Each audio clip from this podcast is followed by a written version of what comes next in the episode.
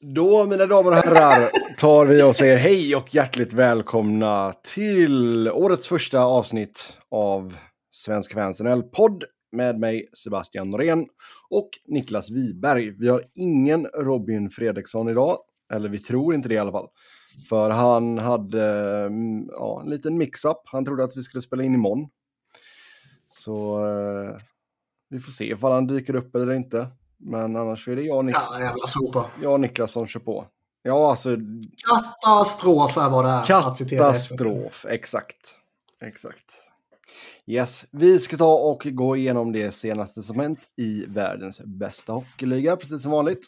Sen ska vi även ta upp några av era lyssnarfrågor. Det blir ingen tävling idag, för då hade jag nog vunnit lite för enkelt, tror jag. Eller, Ja, eller hade Niklas vunnit kanske du skulle ha chans att vinna. Ja, vem vet, vem vet. Eh, nej, så eh, först så får vi väl säga gott nytt år, god fortsättning och allt sånt där. Vi hoppas att ni hade en bra eh, jul och ett gott ny, nytt år och ja, allt sånt där. Niklas, var du vaken vid tolvslaget? Eh, ja.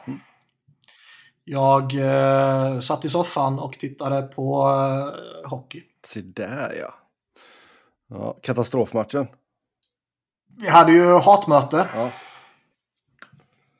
som eh, mycket upprörande nog eh, inte gick som det skulle gå. Nej, men så blir det när Kings bara har en vettig målvakt just nu. Ja. Så eh, då är det som det är helt enkelt. Mm. Det, är väl, det är väl lite oundvikligt att eh, vinna någon match här och där. Men eh, nej, de är ju i ett läge nu där man eh, losing is winning. Liksom.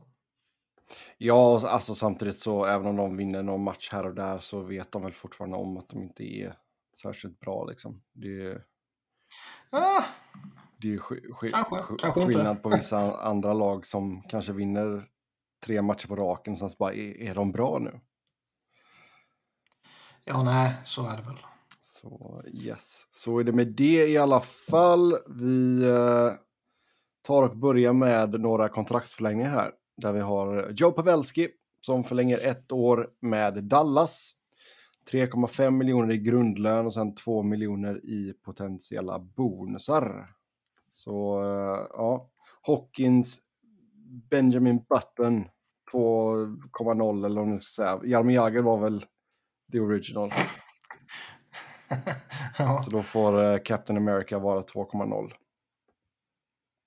Men eh, Ja, Pavelski har ju åldrats. väl. Ja, det jävlar. Han åldras som en påse... Ostbågar. Vad sa vi? Ostbågar. Ehm. nej, det var ju lite snack där när han signade för Dallas att eh, Sharks, de vågade inte ge honom tre år. Nej. Och därför valde han att lämna och signa någon annanstans. Och sen gör han personbästa år tre. Och är eh, on pace för en liknande säsong nu. Mm. Så det är ju en... ehm, Alltså det, det, det, vad ska man säga? det var ju inte orimligt av, av Sharks att kanske vara lite skeptiska mot att eh, han skulle åldras liksom. Det, det, där och då. Men med facit i hand var det ju ett jävla Alltså jag tycker ju inte att de... Ja, ja absolut. Men alltså tittar du på de tre sista säsongerna han gjorde i, eh, i Sharks så var det ju ingenting som pekade på att han var, skulle liksom falla av en klippa liksom. Eh, sen, Nej, sen, alltså, men sen kom inte jag... 38 mål sista säsongen. Nej. Sen kommer inte jag ihåg hur, vad det var för snack om liksom, kontraktslängd och sådär. Ifall det var att han ville ha mer än tre år ifall han stannade i Sharks och, och allt sånt där. Men Nej, jag minns inte. Jag bara läste idag att anledningen till att han valde Dallas var för att de gav honom tre år och Sharks eh, ville inte ge honom ett tre. ja, okej. Ja, Jag kommer inte ihåg. nej, nej, sen vet man alltså Sharks och deras cap-situation och allt sånt där också. Det, Ja, nej, så är det. den var ju inte jättebra då heller liksom. Ehm, Nej. men nej, Pavelski har åldrats väldigt, väldigt, väldigt fint får man ju säga ändå. Och som sagt, poängbästa. Sen un, un, underlättar det att spela i den omgivningen också. Oh ja. Oh ja. Ja, den är väl eh, bättre än den han hade haft i Sharks. Eh, ja. Mm. Sen skulle han väl haft en bra omgivning där också med en Timo Meyer och allt vad det kan vara. Liksom. Men eh, nej, det, det är klart att här är en väldigt oväntad utveckling. Att han bara blir bättre och bättre när han är 37 och 38. Oh, ja. Så jag tycker väl inte, jag, jag, tycker inte man kan hänga San Jose så jävla hårt för det ändå. Även om man sitter här och är efterklok. Nej. Det kändes inte, det kändes inte orimligt att vara skeptisk mot vilken 35-åring som helst eller 34-åring eller vad han var där. Liksom. Det är ju det är den absoluta eliten som vi brukar säga som man liksom kan räkna med att de håller topp toppklass in i slutet, hur gamla de än blir. Och jag vet inte om man kan sortera in Pavelski i den gruppen. Jag, vet, alltså, jag ger vi honom för lite cred överlag eller? Ja, han kanske är lite underskattad på ett sätt, men eh, alltså han, han har aldrig gjort point per game över en hel 82 matchers säsong. Nej. Uh, och jag menar, ska man räkna som elit-elit i någon form av historisk kontext så mm. bör man ju ha producerat rätt jävla bra jo, om man är en toppforward. Liksom. Mm. Ja, alltså, han var väl liksom en, en solid målskytt under många år där i San Jose. Liksom. Han hade ju flera säsonger över 30 baljer. Eh, en med 41 var hans personbästa där, 13-14. Mm. Så visst. Det, jag kan väl köpa att han inte är elitens, elitens elit så att säga. Men... Nej, det tror jag. Och då kanske det är som sagt, då, då är det väl rimligt att vara lite skeptisk inställd till honom han är Sharks. Och eh, det här var väl Men... en ett sånt fall där man då missbedömde ja. givetvis. Sånt händer. Japp. Jag tror ju inte, jag tror inte direkt att eh, San Jose skulle, skulle vara en contender bara för att han stannar och, och producerar som han har gjort i Sharks istället. Nej. Yes. Han börjar ju närma sig 1000 poäng nu också. Ska vi säga. 961 är han uppe på. Mm. Um, måste väl nästan vara en av de mest framgångsrika spelarna som har kommit in via college va? Ja, det är det säkert. Bara en sån här tanke jag fick här nu när jag kollar på hans EP-sida. Mm. Han är en av de mest framgångsrika Dynamo Minsk-spelarna genom tiden också. Ja, just det. Han var där en sväng 12-13. Ja. Mm. Mm. Han var inte point per game där heller. Minus fem! Ja, han var minus fem! Ja. Katastrof! Katastrof, exakt. Sen har vi Stuart Skinner i Edmonton. Treårsförlängning där, 2,6 miljoner i cap hit. Och ja, jag ska villigt erkänna att, jag, erkänna att jag inte har någon jättepejl på Stuart Skinner. Nej, det ska man inte sitta här och, och påstå att man har. Men, men, han, har ju, han har ju överträffat Jack Campbell. Mm. Och det Ja, är alltså det man har sett av honom pyttelite i fjol och sen liksom i år, det har varit bra liksom. Men det är ju inte så att jag... Ja jag kan ju säga att jag slutade ju följa Bakersfield när vi flyttade därifrån till exempel. Um, för han har ju varit där uh, de senaste säsongerna inför uh, fjolårets säsong. Så... Uh, men visst. Ja, nej, men alltså det, det är väl... Det är väl en viss chansning. Han har inte spelat så många matcher ändå en match 2021, ett dussin matcher förra säsongen och sen så är det drygt 20 nu. Eh, men det är väl kanske en chansning man kan göra för de här pengarna ändå. Ja, alltså... Jag... Det, är ju, det, är ju, det är ju Campbell som är problemet. Ja, och det, han, är, han sitter ju inte på ett Cal Peterson-kontrakt liksom. Det, det är ju något sånt här som Cal Peterson skulle ha fått. Om man skulle ge honom mm. term liksom. Mm. Uh, Nej, så är det. Sen tror jag ju, Jack Campbell tror jag ju kommer eh, på något sätt studsa tillbaka. Sen kanske han inte studsar tillbaka till de eh, höjderna han har visat innan. Det, Nej. Men att han kan vara liksom någorlunda värd de fem. Alltså fem är inte överdrivet mycket. Um, Nej, så är det. Men det är det- hanterbart. men och jag det- menar, men det- totalen för båda två är ju hanterbart ja, också. fast det blir ett problem när du sitter på... Ja, han är ju under åt- ja, 87,6 har han i räddningsprocent eh, sammanlagt då. Och sen ett goal against average på 4,03. Så då är det Mm. klart, då blir det ju ett problem. Och sen fick han ju ett ganska långt kontrakt också. Ehm, Så. Så där gäller det ju att han studsar tillbaka på något vänster i alla fall. För annars blir det, det kontraktet absolut ett problem. För du, även om du har han som backup och Skinner som, som etta, liksom, så ha en backup som dels är dyr, sitter på ett långt kontrakt och sen alltså under 88 procent. Det är... Usch.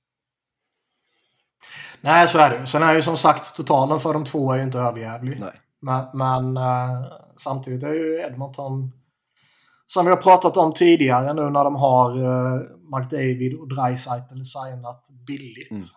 så att säga. Jämfört med vad deras kommande förlängningar rimligtvis kommer bli. Så har de ju inte råd att slösa bort massa miljoner. Och bränner man eh, ett par, tre miljoner extra på Jack Campbell nu efter det här kontraktet så det, det går ju ut över någonting annat. Oh ja. Den där försvararen som man kanske behöver eller någonting. Ja, men det, det är ju verkligen det som är problemet. Och sen tycker, vi har ju pratat om detta tidigare, men liksom uh, Darnell, Darnell Nurse är ju ingen 9 miljoners back. Eh, Nej.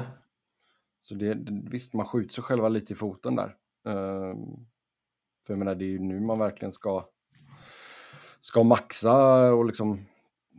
För detta är väl ändå så på något sätt deras prime, får jag väl anta. Även fast McDavid kanske håller en jätte, jätte, jätte, jätte, jättehög nivå i många, många, många, många år framöver. Så är det väl det här kanske fortfarande hans prime på ett sätt. Det känns som att man, eh, man ska nog inte förutsätta att han inte kommer bli ännu bättre. Mm. och göra ännu mer poäng. Det beror ju på lite hur, hur sporten och ligan utvecklas också Ja. under de kommande fem åren. Men framförallt så, jag menar, eh, han är ju, både han och, och, och Dreisaitl är ju snorbilliga nu jämfört med vad de med all sannolikhet kommer bli sen. Och det är det här man måste utnyttja. Ja, exakt. Och det känns ju som att det, det här har de ju, i alla fall hittills, det finns ju två, tre år på, på sig nu innan kontraktsförlängningarna börjar kicka in, om det nu blir några. Men hittills har de ju slösat bort den möjligheten. Ja. Ja, alltså, och sen är ju grejen också, alltså, just med tanke på att Dreisaitl också har varit så överjävligt bra. Alltså, kan man ens... Alltså, nu är det ju inte många som har... Kon... Ja, i och för sig, de har lite... De har ju Nurse stora kontrakt. Det går ju... Fortsätter ju över Dreisaitls efter det går ut. Och Campbells fortsätter. Jag bara undrar, liksom, för jag menar Dreisaitl ska väl upp på 14, 15, 15? Ja, sen får man väl se här de kommande åren också hur lönetaket, eh, om det drar iväg så som folk i alla fall tidigare har förväntat sig. Mm. Det, det väntas ju göra det där omkring någonstans. Och det kommer ju rimligtvis kunna påverka hans kontrakt också. Amnesty buyout på Nurse där 25, 20, eh, efter 24 sekunder. Vänta bara. Ja, eh, det om Edmonton i alla fall. Sen eh, Artem Sub i eh, Ottawa. Den nya subban i och med att PK la av. Malcolm spelar väl, men han är skadad va? Ja, Eller? jag vet inte om jag ska vara helt ärlig. Eh, men eh, Artem, fyraårsförlängning, 4,6 miljoner i capita för honom. Jag vet inte eh, riktigt vad, vad jag tycker om honom liksom. Jag har, ingen, jag har ingen riktigt tydlig bild. Och... Eh, nej, han, han, är, han är svår att kommentera. Ett unikum. Eh, nej, men nej, det är inte så att ett unikum eh, indikerar ju någonting positivt, Ja, ja. tycker jag. Ja. Och det är, man är kanske inte så taken aback av honom. Att man liksom inte har tillräckliga superlativ. Det är inte så ja. jag menar. Nej, men alltså han har väl framförallt så har han väl använt som en, som en defensiv back liksom. Det, mm.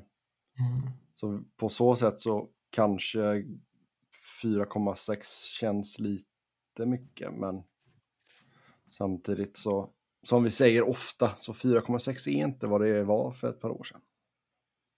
Nej, så är det verkligen. Så, eh, ja. Sen eh, när vi ändå är inne på Ottawa så sägs man vara redo att betala ett högt draftval eller en prospect för att bli av med Nikita Zaitsevs kontrakt. Det jävla kontraktet, alltså. Det var ju, det var ju dåligt när det signades och eh, det var det inte Ottawa som signade det, ska ju sägas, Nej. men de tradade för det. Mm, han har ett år kvar efter denna säsongen på 4,5 miljoner. Mm. Och det är väl då ett, eh, ett hinder om de ska gå efter den där backen som det sägs att de har velat gå efter. Mm. Och snack om Klingberg och allt vad det har varit. Och... Ja. Erik Karlsson slängdes väl upp på något Erik Karlsson slängdes upp på något uh, vänster där också. Ja. Mm. Mm. Sen uh, ska man ju även ha kontaktat Chicago angående Seth Jones. Den är ju, alltså, man kan säga mycket om Ottawa och Seth Jones och eh, allt sånt här. Med, med tanke på att det ändå var lite hype kring dem och sen har de inte kunnat leverera ett piss. Liksom. Mm. Men de är jävla i mig underhållande nu. Ja, ja, absolut. Det händer grejer. De är inte rädda för att spendera pengar. De är inte rädda för att uh, gå efter stora namn eller trada till sig stora namn. Det, det är ju en, en väldigt rolig organisation nu med, med två college-tjejer som, ja, som bossar. Ja, alltså ska, ska du... Så kommer eventuellt Ryan Reynolds in sen. Ja. Nej, men alltså ska, ska du... Ska du ha, alltså jag ser väl inte något jätteproblem för dem att ta in, även fast Seth Jones, återigen, han är ingen 9,5 miljoners back, men eh, liksom ha, ha honom och Chabot som någon form av liksom one-two punch på blå linjen, det, det är väl helt okej. Okay. Sen kanske de kostar lite väl mycket, men... Ja, frågan är också, alltså de har ett, ett antal stora kontrakt på plats redan. De har liksom eh, Tachak och de har Giroud som är hyfsat stort och de har eh, Batherson och de har Stützle som kickar in snart mm. och de har Josh Norris och sen så har de eh, Chabot på backsidan och ytterligare så här halvstora kontrakt. Och sen ska de då rimligtvis försöka förlänga med Brinkat så småningom också. Ja. Och då är det ju kanske en utmaning att plocka in en, eh, en sån stor lönepost som Seth Jones. Och man har ju svårt att se att han skickar en stor lönepost ja, motsatt väg. Ja, där hade de väl säkert velat... Och då menar jag inte, då menar jag inte liksom en sightsave utan då menar jag med, med lite mer turn. Ja, de vill väl både slänga in sightsave plus något mer då kanske. Ja. Då är ju... Men de är, de, är, de är roliga, det händer grejer och jag menar de har, de har ju ett gäng roliga spelare också. Sen har de lite oflytt att tappa Josh Norris hela säsongen. Typ då. Mm. Uh, det känns som att lagbygget är på god väg till att bli något något underhållande och något bra. Det behöver bara bättras på lite, lite, lite. Mm. Man undrar ju kanske inte om eh, en Seth Jones ändå kostar lite mer än vad det smakar. Både i att trada till sig honom och i vad hans kontrakt ligger på. Ja. Ja, och med tanke på liksom längden på det så känns det ju inte aktuellt att Chicago skulle uh, retaina särskilt mycket heller. Alltså vi kanske, kanske du kan övertala dem att ta en halv miljon liksom. Ja, men det är ju skitsamma. Ja, så... Uh, men visst, det hade varit kul. Och jag menar liksom för Chicago, så, med tanke på den sitsen de är i så ser jag inte det som något... Jag ser inte det som att, åh nej, nu tappar de Seth Jones. För är det så att de ska gå in och verkligen spränga eller liksom nedmontera hela skiten och inte förlänga med Kane eller Taves och liksom skicka alla de här som sitter på med utgående kontrakt eller kanske har ett år kvar. Liksom. Då är det väl skitsamma egentligen. Då är det skeppa Jones också då. Du, för jag menar, han, jag tror fortfarande, han har, han har ju fortfarande något form av anseende i ligan. Även fast hans kontrakt är lite Jo, wonky liksom. Nej, så är det. Så där är det väl bara att casha in i så fall. Kan skicka Caleb också. De kan vara ett paket. Ja. Det känns ju, alltså lite nepotism är det väl där att de tog in Caleb också eller? ja, det är klart. Men det har man ju sett förr. Yes. Eh, Det funkar överallt förutom i Philadelphia också. Ja. Där eh, alla Johnny Hockeys polare sticker till, till Flyers och sen så får han dubbelfucken i ansiktet. vi hoppar tillbaka lite snabbt till Edmonton också där man ska överväga Jake McCabe. Eh, de har ju en salig blandning som jag har sagt tidigare på alla backar de är intresserade av. Det har Mm. varit allt från Erik Karlsson och John Klingberg till Joel Edmondson och nu eh, McCabe här. Och eh, jag tror visserligen att McCabe skulle kunna vara en, en, en användbar spelare för dem. Han var eh, en, en bra, solid back tycker i alla fall jag i slutet på, på Buffalo och där och sen så hade han väl någon långtidsskada eller vad det var. Jag kommer inte ihåg om det var i slutet i Buffalo eller i början hos Chicago. Ja, det var slutet av Buffalo där. Han gjorde bara 13 matcher Ja. 2021. Ja. Och sen kommer man till Chicago i en hopplös jävla situation. Mm. Så jag tror mycket väl det fortfarande kan finnas någonting i, i honom. Och eh, det är väl inte, inte orimligt att tänka att han är någonting som eh, Edmonton skulle ha nytta av. Yes, sen eh, Jacob Chikrin till LA-ryktet har fått ny, eh, ja vad säger man, ny vind i seglet. Ja. Han har ju faktiskt spelat ett gäng matcher nu och gjort det bra. Han pissar in poäng, både han och Ghost. Så eh, Arizona sitter nog och myser lite inför trade deadline.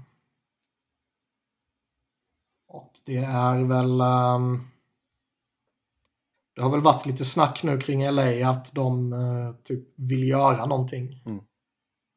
För att eh, ja, rusta inför slutspelet. Och, eh, så här utifrån tycker jag ju att då är det rimliga att gå efter backförstärkning. Ja, alltså målvaktsförstärkning är ju det man helst hade velat se, men det, det känns inte... Ja, men det är svårt också. Ja, det känns inte jätteaktuellt faktiskt. Mm. Utan eh, där får man bara hoppas på det bästa. Nej, men så är det. Och eh, vad heter han? eh, Phoenix Copley har ju ändå gjort det eh, liksom med hans förutsättningar bra. Ja, ja, absolut. Absolut. Men det är, det är ju, med all rimlighet är ju inte det någon man kan rida säsongen ut. Nej. Nej, verkligen inte. Så där måste man ju hitta, eh, hoppas att eh, Quick hittar något sista dödsryck, Mm. känns det som. Verkligen. Och det kanske han kan. Slutspelet börjar närma sig. Då kanske han kan mentalt växla upp på något sätt. Det har man ju kunnat se vissa veteraner göra ibland. Jo, ja. Nej, Så men han kanske är en sån. ja. Men om vi går tillbaka just till uh, Chikrin där då. Han sitter ju på... Han har ju två år kvar efter den här säsongen på 4,6. Så det är ett väldigt fördelaktigt kontrakt med tanke på den spelaren han är när han är frisk. Problemet som vi har pratat om tidigare är ju att han är extremt skadebenägen. Ehm, så jag vet fortfarande inte riktigt vad för typ av prislapp man ska sätta på den här pojken. Eh, det sägs väl att de vill ha två first rounders eller liksom en motsvarande prospect. Mm. För alltså en first rounder och en, en prospect som är en first rounder så att säga. Ja. Plus kanske ytterligare någonting då, men att det ska vara huvuddelen. Och, eh, nej visst, han är väl, det är väl svårt att, att sätta ett värde på honom med tanke på skadehistoriken också. Men han skulle ju kunna vara en sån som hamnar i en, i en ny omgivning, i en liten mindre roll kanske. Det känns ju ändå som att det Ja, han är ju, han är ju inte etta i Kings. Det är han ju inte. Nej, exakt. han kommer väl vara tvåa, men uh, han skulle lika gärna kunna vara trea också, mm. beroende på typ dagsform och bla bla bla på vissa andra spelare som det ändå finns lite, lite potential i både kortsiktigt och kanske långsiktigt med Clark och lite sånt här. Men uh, nej, jag tror det skulle kunna vara klokt att gå efter honom. Oh ja. Nej, nej, jag ser jättegärna att det händer och så får man bara linda innan i bubbelplast mellan matcherna. Helt enkelt. Du behöver inte träna, det är lugnt. det är lugnt. Nej då. Eh, vad tror vi om... knappt träna under säsongen ändå. Ja, exakt. Vad tror vi om Ghost då? Vad kan man... Blir det några typ ett first och second eller två second? Ja, jag vet fan, han, han, tror jag är svår för jag tror att han har en stämpel i pannan hos eh, många i ligan. Att han är liksom en, eh, en väldigt riskfylld spelare som tar sina chanser och som eh, offrar defensiv för att få skapa offensiv. Och det gör han ju liksom, men jag tror att ryktet han har är, är överdrivet liksom. Och jag tror att eh, väldigt många lag har ett, eh, skulle ha ett väldigt stort nytta av en sån som, som Ghost. Sen så är ju han också en sån där att ska man, ska man ta in honom så måste man ju låta han göra sin grej och eh, lira sitt PP och så vidare. Mm. Och har du redan en etablerad, eller två etablerade eh, veteraner, stjärnor, whatever, som ska ankra ett PP och sådär och du liksom du flyttar inte på en eh, eh Hedman eller Sergachev liksom i Tampa och tar in Ghost och sätter han på blålinjen istället. Nej. Alltså, ja, inte... då, då, då, är, då är det ju ingen värvning man gör. Nej, nej. Liksom. Men har man behovet av en PP-back då, då skulle jag ju överväga han jättemycket. Alltså jag hade ingenting emot att se Ghost i Kings heller faktiskt. Det, det... En dubbel, dubbel deal. Ja, dubbel deal vet du fan. Men alltså det, om det skulle ja, vara så att... Dubbelmacka med de två. Ja. Fina grejer. Ja, men liksom, skulle det vara så att man inte lyckas komma överens om ett pris för Chickering liksom, så ta det billigare alternativet i, i Ghost då. För där skulle jag ju lätt kunna sätta honom med andra PP utan problem. Mm. Det, och det hade varit samma för Chickering också. Chickering hade också fått komma in och spela i andra PP istället för eh, Sean Dursey. Mm. Um, så ja, båda, båda bör vara eh, intressanta där för andra lagen tycker jag ändå. Sen är det klart att Chickering hade ju varit det bästa med tanke på att han fortfarande har två billiga år kvar efter detta. Ja, det är ju det som är det attraktiva med honom. Det är som vi brukar säga att eh, för varje dag som går så blir han ju mindre och mindre attraktiv. Mm. För vad Ghost sitter på 4,5 gör han sitt sista året här. Eh, jag tror inte att han kommer nöja sig med en förlängning på samma peng. Det tror jag inte med tanke på de poängen han Nej, har gjort. Han fortsätter producera så här. Nej, Exakt. han har gjort väldigt bra ifrån sig trots att han har varit i ett väldigt, väldigt, väldigt dåligt lag. Alltså det är som jag sa, låter man han göra sin grej så kommer han vara en effektiv offensiv back i, powerplay och kunna transportera puck och skapa anfall. Sen är han ju liksom... Det är ju inte Chris Pronger som är fantastisk framåt och fantastisk bakåt. Eh, utan han är ju en, eh, en viss riskfaktor defensivt och han är inte bra eh, just i liksom den, den här kampspelet runt kassen och så vidare. Men... Uh, Nej, men jag tror kan alltså, du sätta honom med en liksom... Sätt honom i andra eller tredje paret i Kings med en vettig defensiv lagd back så ska det nog funka bra tror jag. Ja, man behöver veta vad man har och sen behöver man utnyttja det. Mm. Man, alltså det är som alla spelare man, som finns i ligan. Man behöver identifiera vad de är bra på och sen behöver man försöka maximera den potentialen. Ja. Och inte försöka göra dem till någonting de inte är och inte kan bli. Som Flyers har försökt med honom tidigare och misslyckades kopiöst. Och eh, sedan har både innan och efter det fortsatt med andra spelare. Mm. Och sen alltså rent krasst för Arizonas del så jag menar det, det är ju bra om de två försvinner. De får in picks och prospects och de blir sämre för stunden och har bättre chans att få ett högt draftval i kommande draft. Liksom. Just nu så har de ju... Ja. Just nu, är, vad ligger de? Fyra från botten va? Nej, femma. I Western är de fyra i alla fall. Ja, och sen har du ju även Columbus som är Cassie is där. Mm. Så de skulle nog må bra av att inte vinna så mycket som de gör. Och deras, deras chanser Ja, skulle de bli... behöver- Chanserna om du tar bort uh, Chicorin och Ghost från den backuppsättningen så... Ja, ja. Nej, men de behöver ju, de behöver ju ta in så att säga på Chicago och Anaheim. Ja, Det är många andra som behöver göra visserligen, men Mm. det, är, det är nog svårt. ja alltså det är... Alltså Chicago. Det... Jag kommer inte... Vad hade... Vad hade Colorado för uh, vinstprocent det året de var så jäkla dåliga? Ja, vinstprocenten kommer jag inte ihåg. Nej. Men vad hade de? Hade de inte 47 poäng va? Ja, något sånt. Just nu ligger Chicago på en vinstprocent på 28,6. Ja, det är ju rikt... Det är katastrof. 48 poäng hade de, Chicago. eller Colorado. Ja. Katastrof. Points per game 0 0,59. Ehm. Mm. Så är det med det. Då tar vi och tittar vidare här i körschemat. Alexis Lafreniere petad i Rangers. Nu går det spekulationer om hans framtid. Såklart. Ja, nej, det är väl oundvikligt. Ehm, han har ju inte tagit fart.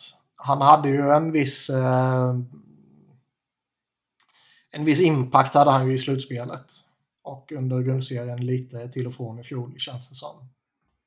Och han har väl inte varit klappkass hittills, men eh, med tanke på hur jävla hypad han var i många år in i draften. Och sen så nu fortfarande inte har eh, tagit riktig fart. Det är klart det är en besvikelse. Mm. Sen sa väl, eh, det var väl Friedman som väl sa att eh, han var petad förra året och svarade jättebra på det och nu hoppas de få en liknande effekt nu. Typ. Och eh, inga indikationer på att han har ledsnat och vill bort ännu. Men det är klart att det... På ett sätt är det ju lite... Eh, tycker jag det är lite orimligt med... Med all jävla hype om att en spelare är petad. Det blir en sån jävla grej i det här oavsett om det är en Ja, ja. Alexis Lafreniere eller om det är en liksom tolfte forwarden i Toronto blir han healthy scratchad så är det en jättestory. Mm. Bara för att det är Toronto, men, men, men ändå liksom. Och det borde vara mer normaliserat att eh, en spelare får sitta här och där. Sen är det klart, är det Conor McDavid, ja då är det ju en, en grej givetvis.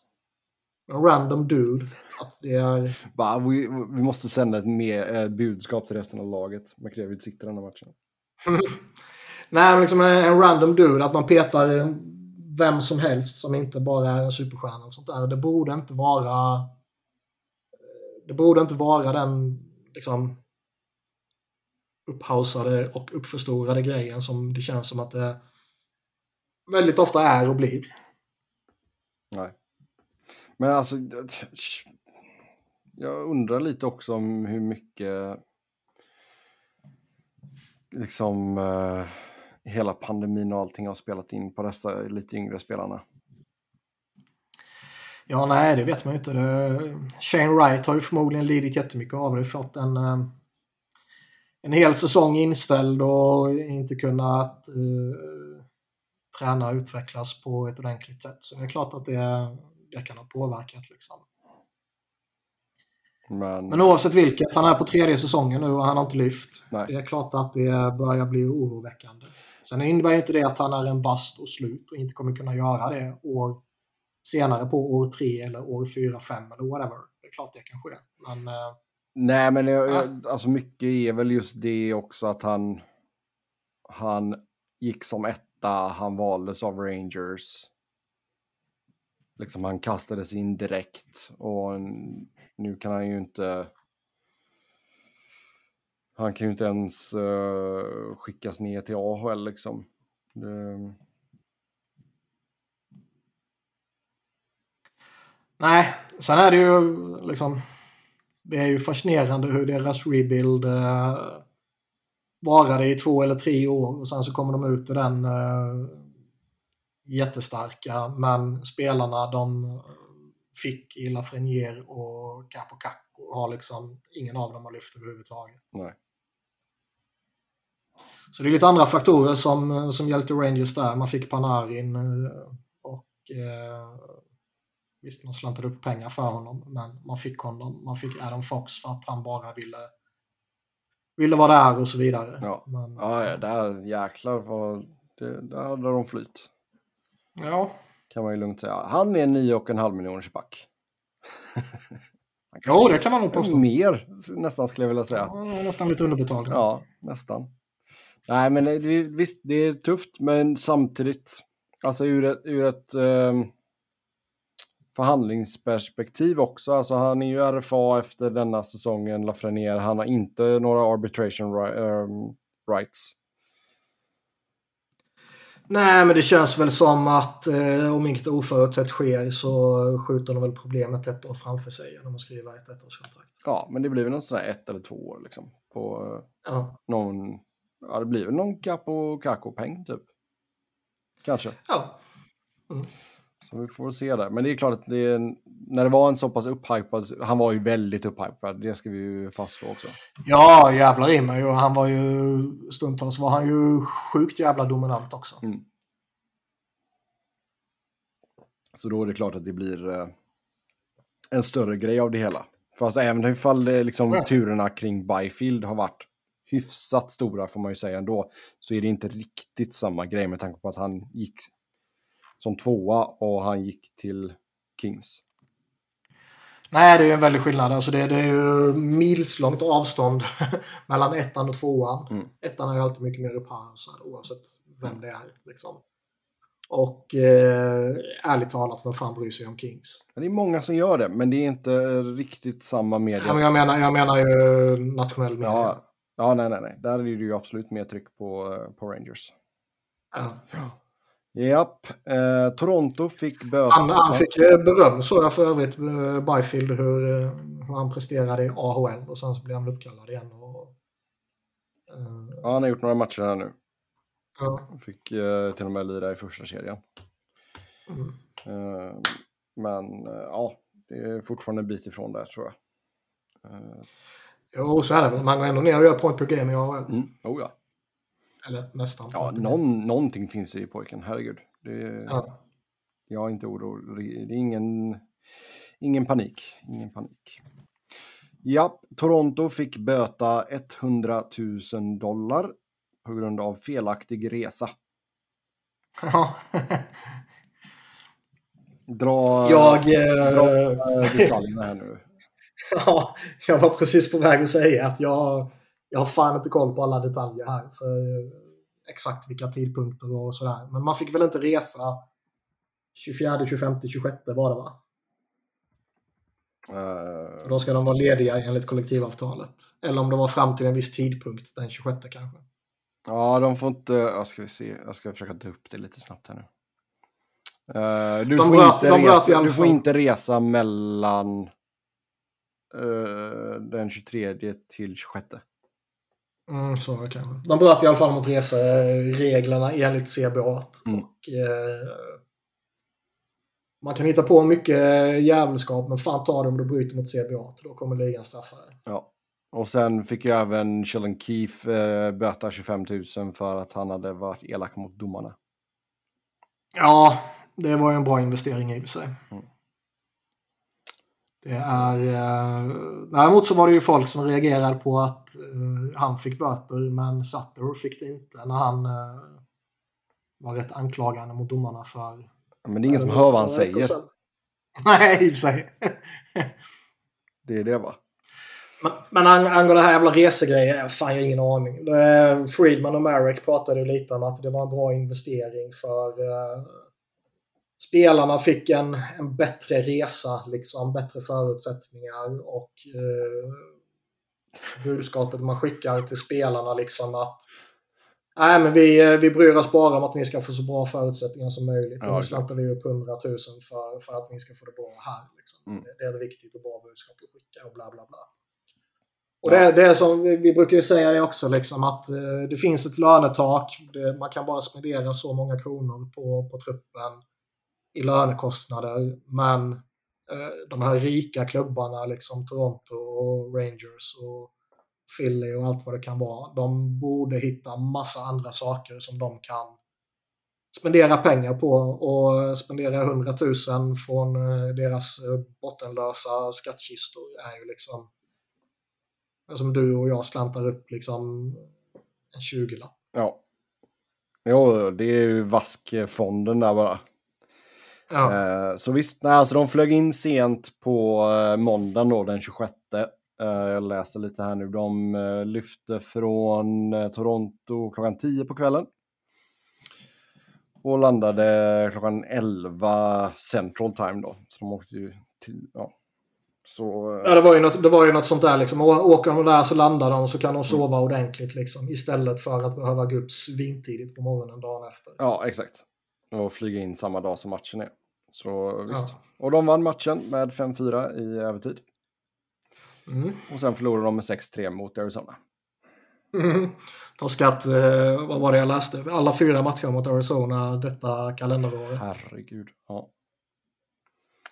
Ja, ja, så är det med det i alla fall. Jag tror de inte kan möta Arizona i slutspelet för mm. eventuell final. Och det känns som en väldigt eh, osannolik eh, potentiell final. Ja, det kan vi lugnt fastslå. Sen slog de ju... Eh, det är ju för att Toronto inte kommer gå till finalen. Ja, sen slog de Colorado med 6-2 på nyårs eh, afton. Mm. Eh, sen spekulationer om att övergripande förändringar kan ske i Philadelphia. Det har ju viskats lite och... Eh, ge, mig källa väl... på, ge mig källa på detta nu. Min Twitter-feed. Okay. Nej, det var Marek och Friedman i senaste podden. Ja. Och eh, det har viskats på några andra ställen när man sett lite snack så när man, när man följer för just Flyers. Liksom. Men det är väl mer att det här att de, eh, liksom Ed Snyder eh, mentaliteten, liksom att vi ska inte rebuilda, vi ska alltid vara slagkraftiga, vi ska, ja du vet, bla bla bla. Mm att liksom den har överlevt även efter att han eh, gick bort. Och eh, nu börjar de kanske inse att oj, vi kanske behöver göra en rebuild. Och att de inser det nu är ju liksom, ja, å ena sidan är det bra att idioterna inser det nu, å andra sidan är det sjukt att de inte har fattat det tidigare. Men eh, ska man rensa ut en sån mentalitet, eller vad man vill kalla det, i organisationen så räcker det ju inte att kicka en Chuck Fletcher som borde få kicken oavsett vilket. Utan då måste man ju rimligtvis rensa ut alla de här eh, senior advisors. Som är liksom Bobby Clark och Paul Holmgren och Dean Lombardi och eh, det är Bill Barber och sen är det ytterligare någon jävel.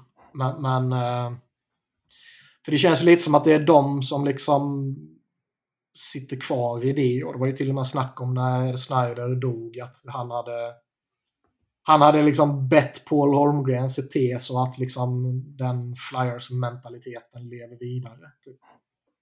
Mm.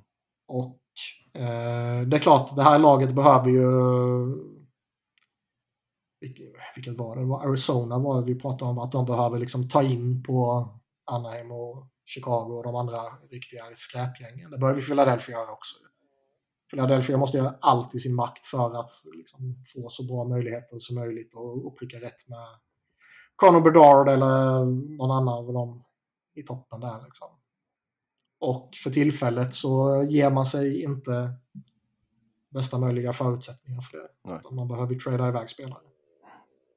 Mm. Sen så var det sjukt, jag kommer inte ihåg om vi hann få med det i förra avsnittet eller om det kom efter, men de började ju prata om ett eventuellt utköp av Kevin Hayes också.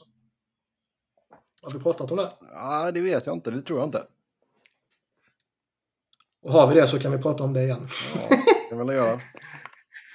Men eh, nej, det har ju skurit sig lite mellan honom och tårtan. Där Kevin Hayes har ju gjort... Eh, eller där och då när han blev petad hade han ju gjort point per game. Där har han ju droppat av lite nu. Men han har ändå gjort eh, strax under point per game. Och det är ju, det är ju starkt. Liksom. Men i spelet i övrigt har han ju varit kaos. Han är inte ansvarstagande och defensivt är det skit och så vidare. Och, så Ja. vidare. Och Så det, det är ju en sån grej som man kan se att då, då agerar tårtan liksom. Ja, men då agerar tårtan och då är det skitsamma om du gjort point per game och hur gammal eller ung du må vara. Typ. Mm. Och det, det kan väl finnas en eh, relevans i det när han har kommit in och försöker sätta en, eh, en ny, ett nytt system och en ny mentalitet och så vidare. Då kan man inte att, liga, eller att lagets, ligans bästa, att lagets bästa spelare bara coastar och bara bryr sig om att göra lite poäng. Typ. Nej, det, finns Men, ingen, det finns eh, ingen som får glida på en räkmacka i ett Tortorella-lag. Nej, lite så. Däremot, och då börjar jag, vet inte om det, det är ju som vanligt när vi pratar Friedman och så här att börjar han spekulera om någonting så känns det alltid som att det ligger lite mer än bara hans egna spekulationer bakom de spekulationerna. Eh, och det är uppenbart att se att det är något som har skurit sig mellan de två. Men, men eh, att man redan nu börjar prata utköp av Kevin Hayes är ju liksom det är bara bättre att trada honom och retaina i så fall. Tre år kvar efter denna säsongen. Eh, det är bättre det än att köpa ut och få en massa död cap framöver. Dessutom så är det ju... Om man nu försöker trada honom och det är någon annan som sitter och väntar på honom. Varför ska de trada för honom när de inom då eh, situationstecken så att säga vet att han kommer bli utköpt om de inte lyckas trada honom och så får de honom gratis sen. Mm. Uh, ska vi se här nu. Om de skulle köpa ut honom den 15 juni 2023. Då har du en capita på 2,25 första året, sen 4,7 de två efterföljande och sen 1,6 de sista tre. Ja, och det är alltså 1,6 är ju kanske en jävla skitsumma i sammanhanget. Men, eh, Jo, men det kanske är bättre om du om retainar två mille på honom då. I tre ja, år. exakt. Ja, Eller två och en halv till och med. ja. För går man in i en rebuild så kommer ju Flyers ändå inte vara relevanta inom den eh, inom hans kontraktstid så att säga. Nej. Nej, jag menar, och drar du ner... Ja, alltså retainar du minst två mille på honom, vi säger två mille. Då är du nere på fem miljoner för honom och det är ju inte helt fel. Nej, jag tycker Kevin Hayes är en bra spelare. Jag gillar honom i, i största allmänhet. Sådär. Sen är det ju... Man förstår ju vad Tårtan gör med tanke på det jag sa tidigare. Att han coastar lite och, och bara bryr sig om att göra sina poäng. Liksom. Det, det kan man väl inte riktigt ha när man försöker sätta en ny, uh, nytt system och ny kultur med alla unga spelarna. Typ. Det, det, blir väl ett problem när det bara så att säga är Kevin Hayes. Det är väl en annan sak om det skulle vara Conor McDavid. Liksom. Jo, jo. Ja, men alltså om du om, sätt honom i ett Sen lag, tror jag att Ke- problemet är ju liksom fas också... då. Ja, i en annan fas och där, där Kevin Hayes inte är den ledande spelaren. Mm. För han är ju, jag, jag tycker han är bra. Han var ju under långa stunder briljant det här första junioråret när de eh, ja, när de gick i, var på väg att gå in i slutspelet som eh, ett av ligans bästa lag och sen så kom pandemin och stannade upp hela jävla världen. Där var han ju stunder briljant liksom och det finns ju fortfarande en spelare i honom som jag tror skulle kunna göra väldigt mycket nytta i, i många lag där han placeras in kanske som en andra center eller någonting. Mm. Oh, ja. Mm. Yes, vi får väl se vad det blir för förändringar helt enkelt i Flyers. Vi tar en kort titt på tabellerna innan vi hoppar in på lyssnarfrågorna. Börjar med Metropolitan där eh, Carolina ligger i topp. De har tio raka segrar på kontot när vi spelar in detta. Mm. Det, alltså de är sneaky bra alltså. Nej, de är ju bra. De är inte sneaky bra, de är bra. Alla förväntar sig väl att de ska vara bra. I alla fall i grundserien. Mm. Sen har vi fortsatt överraskningslaget New Jersey. Man hankar sig kvar. Formen är ju lite sådär 2-7-1 senaste 10. Men Mm. med tanke på att man gick som man gick i, i första fjärdedelen där så ligger man fortfarande på andra plats med 48 poäng. Sen har Washington ehm, skärpt till sig lite, eller vad man ska säga. 8-1-1 senaste 10, man ligger på tredje plats just nu. Sen Pittsburgh på fjärde plats, men där är det hård kamp. Så du har Pittsburgh på 44 Vi sa, poäng, Islanders Ja. 44 poäng, Rangers 44 poäng. vi sa väl det för några veckor sedan att typ både, både Pence och, och Caps var i ett läge där liksom ja, nu kommer det nog avgöras vad säsongen kommer ta vägen. De Mm. vita formen eller så kommer de fortsätta hänga kvar utanför villkorsplatserna typ. Och båda två har väl till viss del, men väl framförallt Caps i alla fall mot slutet, steppat upp rätt rejält ju. Mm. Och nu känns det väl som att eh, det borde väl vara två slutspelslag. Oh, ja. ja, alltså nu vet inte jag exakt vad tids... Det är väl ingen som har en direkt eh, tidslinje på Bäckströms eh, skada heller, men han är ju tillbaka och tränar. Nej, det var ju... Ja, han var tillbaka och tränade. Jag... Sen blev det covid. Ja, det var något sånt. Och, och, men samtidigt när de gjorde det här så var det ju rapporter om att oh, det här kan ju eventuellt vara karriärshotande. Så jag vet inte, man får väl se. Det är väl bara att avvakta för Caps där. Och sen har man ju även Tom Wilson som ska komma tillbaka också. Mm. Kommer det börja headhuntas igen i ligan? Ja. Nej, men alltså jag menar de ändå så, att de ändå så ligger på tredje plats när vi liksom går in i det nya året. Det får man ändå så se som, som riktigt bra för dem. Eh, Ja, nej, så är det, det. det är ju inte Boston-level liksom vad de har gjort, men det är ju fortfarande, fortfarande imponerat på sitt sätt. Uh, Philly och Columbus i botten där då. Vi behöver inte prata så mycket mer om Philly. Uh, Columbus har vi pratat om tidigare. Deras 0,5 procents chans på slutspel. Ja. Och Columbus är Columbus. Det är, Columbus har, jag tror det var 0,006 procents chans på slutspel. de behöver vinna alla matcher som är kvar. ja, Och inte ens då så är det säkert. nej. Nej. Eh, I Atlantic, Boston som sagt fortsätter att gå som tåget. Fortsatt eh, obesegrade under ordinarie tid på hemmavis. 18-03. Man förlorade senaste, senaste matchen mot Sabres i eh, övertid. Men eh, Mm. Nej, ruggigt imponerande. Nu går man ju upp mot Pittsburgh då i Winter Classic imorgon.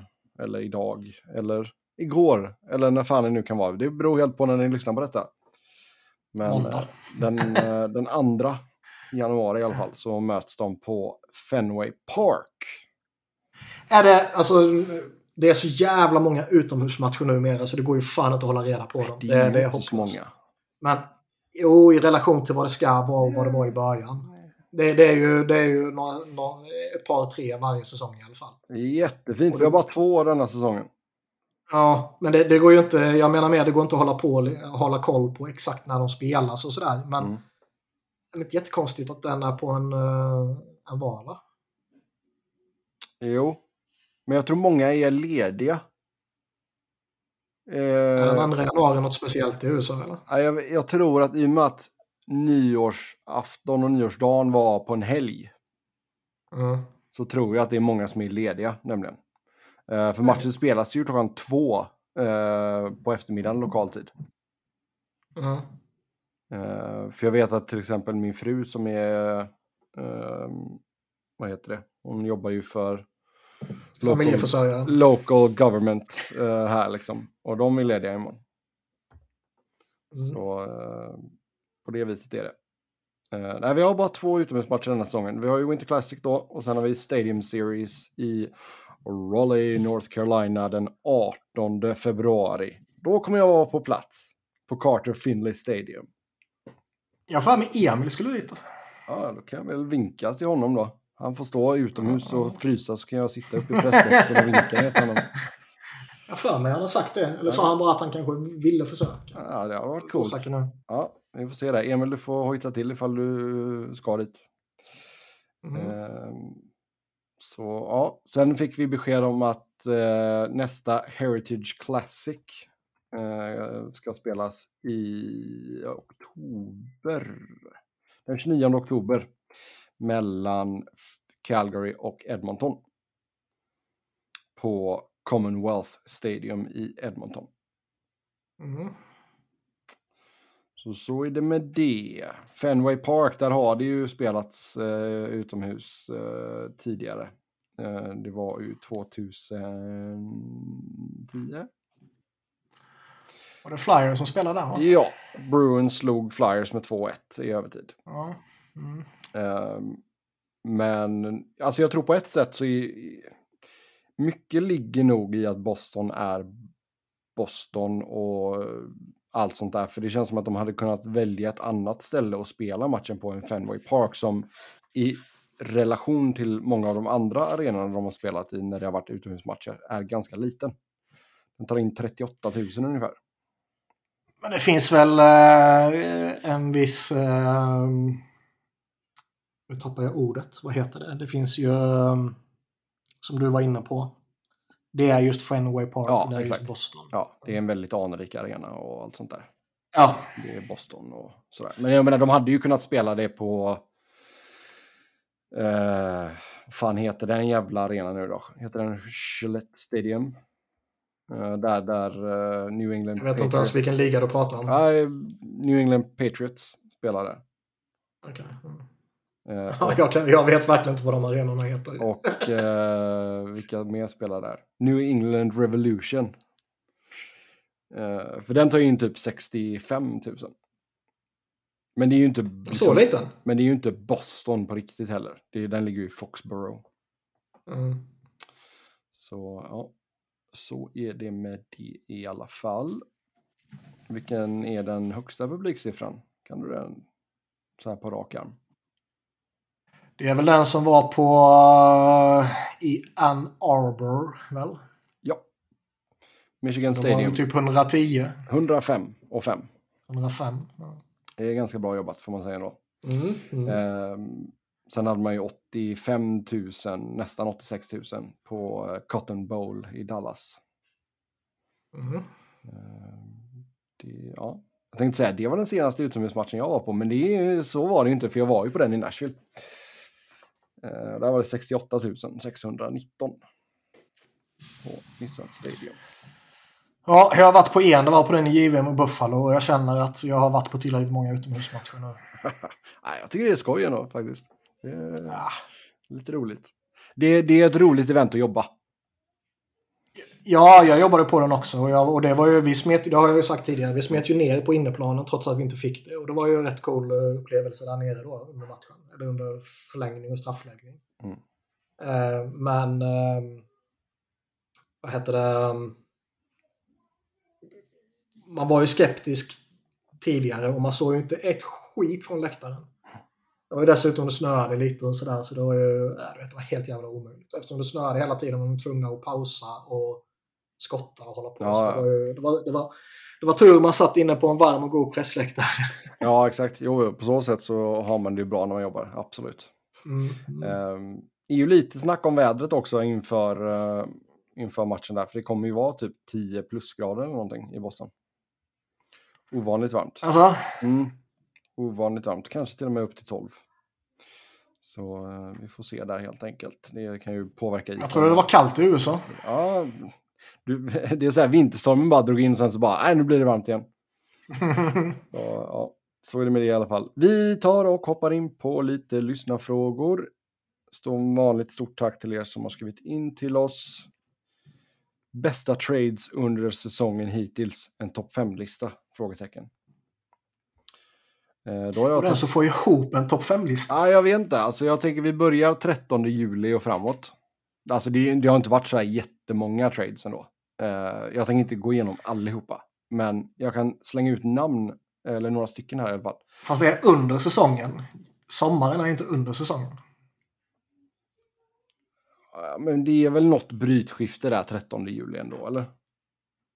Jag tolkar ju under säsongen som liksom in season. Okej. Ja, det gjorde vi ju. det var därför jag menade. Nej, då, då får man väl fan inte ihop nej, fem. nej, vi tar oss friheten att gå tillbaka till 13 juli gör vi. Men om, vi, om vi väntar och gör det och tittar, liksom, då är det ju typ Connor Timmons mot Curtis Douglas är liksom en aktuell. Ryan Reeves-traden är kanske aktuell. Ja, Ethan Bear är kanske aktuell. Ja exakt. Och sen så är det typ eh, Klim Kostin till Edmonton. Jason Dickinson till, till Chicago som var den 7 oktober. Mm. Och då kommer jag inte ihåg om säsongen hade börjat den 7 eller inte. Nej, nej. Så vi får gå tillbaka till den 13 juli helt enkelt. Och då får vi väl ändå säga att eh, Minnesota Wild träffade rätt när man valde att skicka en gnällig Cam Talbot till eh, Ottawa och eh, fick tillbaka Filip Gustafsson som eh, har övertygat rejält i Minnesota. Eh, Jag vet att du älskar när vi Men pratar bryt- ja, men du bryter mot dina egna regler för den skedde den 12 juli. Det står, Så den 13, 13 juli. det står 13 juli här på nhl.com så därför så... NHL.com är ingen tillförlitlig källa. Vi går på CapFriendly och Nej. där står det 12. Nej, det står 13 juli på nhl.com. Det betyder att papperna var slut. Eh, Vi litar inte på dårar som jobbar för NHL.com Ja. i den här podden. Så Gustafsson är med där, jättebra. Ehm, sen vad har vi mer? Brent Burns. Är den, då är väl den med. Burns, Burns ska väl vara med. Uh, Jag tycker definitivt John... John Pacioretty, trots att han inte har eh, gjort så jättestor stora avtryck ännu, är ju en bra trade eftersom det var mot absolut ingenting. mm. John Marino. Ja, den är ju med facit i hand briljant ju. Det är väl nästan... Och- Den är väl... Den är väl nästan netta eller tvåa? Topp tre. Ja, det är det ju. Vad säger vi om den stora traden då? Kachak och Hubert och Mackenzie Weegar. Ja, den är ju intressant för eh, det är väl egentligen... Alltså Florida har ju underpresterat gentemot vad jag tror de flesta trodde de skulle göra. Det är klart att alla förväntade väl sig att de inte skulle vara ligans bästa lag igen. Liksom. Nej, men att man skulle att ligga skulle- sexa vid nyår. Nej, att man skulle dippa av från sina 120-ish poäng. Mm. Det var ju givet liksom. Men att man skulle droppa ner till att bli kanske ett 100-poängslag och ta en, eh, en slutspelsplats ändå. Det, det kändes ju som att ja, det väl ett sannolikt utfall. Mm. Men de har ju verkligen kraschat ju. Och eh, det kan man inte skylla på eh, Matthew Tkachuk för ju. För han har ju varit bra. Han har ju gjort sitt ju. Sen så har väl eh, även Calgary har väl de har inte varit dåliga så rent eh, eh, liksom tabellmässigt och de ligger på en topp tre-plats. Men det har ändå varit lite gnäll kring dem ju. Ja, det har det. De har varit väldigt ojämna. Ja, och Hubbard har ju inte varit överjävlig. Nej. Så det är en svår trade, tycker jag ändå. Det känns liksom som att inget av lagen har fått ut liksom den positiva effekten som jag tror att de ville få ut. Nej. Men Kachak har ändå gjort sina poäng. Liksom. Det... Ja, han har gjort sina poäng, men det har inte hjälpt laget ett piss ju. Nej. Och vi visste nog inte det är hans fel. Liksom. Nej. Utan eh, problemet är väl, det är som jag sagt tidigare också, att de, de har ju... I början kändes det som att Florida tog jävligt många väldigt kloka beslut och, och satte många bra grejer på plats. Men nu mot slutet så har de börjat spåra. Alltså. Paul Maurice var en konstig anställning och det har inte funkat alls. Ju. Nej. Det är bara att hålla med. Oj, oj, oj, där är han. Se där ja. Ja. Fin, fint besök. Alltså, Du kommer till lyssnarfrågorna, det är bra. jag, jag förstod aldrig riktigt hypen kring Paul Maurice när liksom... Det var så många mediamänniskor som verkligen to tokhyllade det valet. Mm. Eh, men det kändes nej, mer jag som att det var så här... ja, Det kändes mer som att det är så här, okej, han, har- han har gjort sig jäkligt populär bland mediamänniskor, typ. Mm. Eh, men han hade ju liksom aldrig åstadkommit något särskilt i Winnipeg. Snarare inte Nej, något alltså jag- särskilt med den liksom. han- De hade ju något av en gyllene generation där ett tag som var hypad. Ja, verkligen. Som liksom inte... Jag tyckte det var, för några år sedan så var de ett av de absolut största favoritlagen tycker jag. Åtminstone svart hästlagen. Ja, Ja, alltså när du hade... På tal om hästar liksom. Det, Dark? Horse. Men vi jobbar ju inte med engelska uttryck här. Nej, men vad är det han heter nu, deras målvakt? Hellebuck. Helleback. Han var ju en riktig häst ett tag där. Ja, han är bra. Ja, eh, som sagt, vi försöker knapra ihop en topp fem eh, bästa trades här. I år. Ja. Så, men vi fick gå tillbaka till sommaren helt enkelt. Eh, Ja, inte jag idag vill, jag vill alltså. att vi... nej. Jag ville att vi skulle ta in season bara. Och då är typ Ryan Reeves-traden en av de bästa. För att det typ inte har funnits mer. Ja. Åt båda lagen får man väl säga då, för det finns inte så många att ta. Lite så. Men eh, Nils Lundqvist får vi väl eh, ta med på en topp fem-lista också. Flopplista, ja. ja. Gott och blivit en eh, första backspar back här nu för Dallas. Ah, ja. Han, det är väl lite... Juryn är väl fortfarande ute Ja, på eh, Nils Lundqvist sådär, men det... Mm. ehm, det har inte varit någon revelation, det har det inte. Men det kändes ändå som att det var nyttigt för honom att få miljöombyte. Och, och, Ja, för honom ja. Det var ju bara konstigt Ja. att det var liksom en first rounder plus för en, en Ja. liksom högerfattad back som inte... eh, Har gjort ett skit. Nej, men liksom, du vet, det har blivit 22 och istället för, alltså, i vanliga fall så, ja men det kändes ju som att här, värdet hade hunnit sjunka. Liksom. Det var så länge sedan han gick i första rundan och det hade inte lyft. Det brukar inte vara att man är värd ännu en first rounder fortfarande då. Mm. Men, men. Ja. Ehm, sen, oj den här är jobbig att ta på uppstuds. Topp top fem bästa handledsskotten i ligan. Alltså så mycket hockey tittar vi inte på, för att säga det. Fan Sebbe kollar ju på tre matcher om dagen. ja, eller ja, det var väl två. Vi ska inte hänga ut honom, men... eh, Nej. Två, tre tror jag det var. Två. Två, Eh. två till tre tror jag han sa. Jag är mer av en slagskottskille. Men det är klart att Austin Matthews är ju på uh, topp ett. Ja. Ehm, vem känner man mer liksom så här spontant är på en absolut topplista? Handledaren är fan svår. Ja, Ja, det är, det är, det är Matthews adelsmärke, precis som att slagskottet är Ovechkins adelsmärke. Mm. Men handledaren är... Pasternak är väl lite både och. Mm. Ja, han är hybrid där. Likadant med Rantanen som också gör mycket mål. Kanske Braden Point ändå, eller Caulfield är ju också mer av en slagare. Ehm, mm. Fan, om man tittar på den här mållistan, det är helt sjukt att Bo Horvath bara fortsätter göra mål. Mm. 26 på 35 matcher. Han vill desperat bort från Vancouver. Ja, pumpa upp sitt värde. Ja, kan man ju se det, men... eh, Ja. Ja. Jävlar om man vill inte signa han på ett kontrakt alltså. Nej, han är kass. Trade, trada för honom som rental, det, det, det är en, en helt annan grej. Det, det tror jag kan vara, man kan få ut något av. Men signa upp honom sen, det skulle man vara skitskratt för. Fil- Filip Forsberg är väl lite av en handledare, eller? Ja, det är han. Burakovsky också ska sägas. Han har ju ett av ligans mest underskattade handledsskott. Sen lever han ju fortfarande i någon form av illusion om att han ska vara en playmaker, vilket är stört irriterande för dem som... han ska bara jag- skjuta, skjuta, skjuta. Alltså det är, han har en laserbeam till handledare. Ja.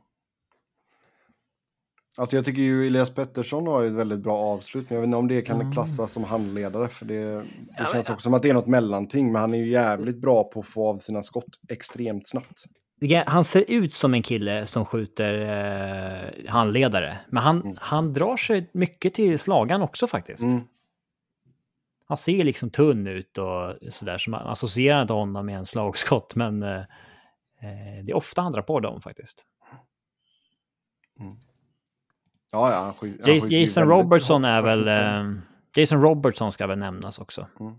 Det, han har ju... Det är väl, det är väl Mm. handledaren som är hans go-to avsluten då, får man väl säga. Ja, men det är bra. Där fick vi lite namn. Vi kan nog känna oss nöjda med det.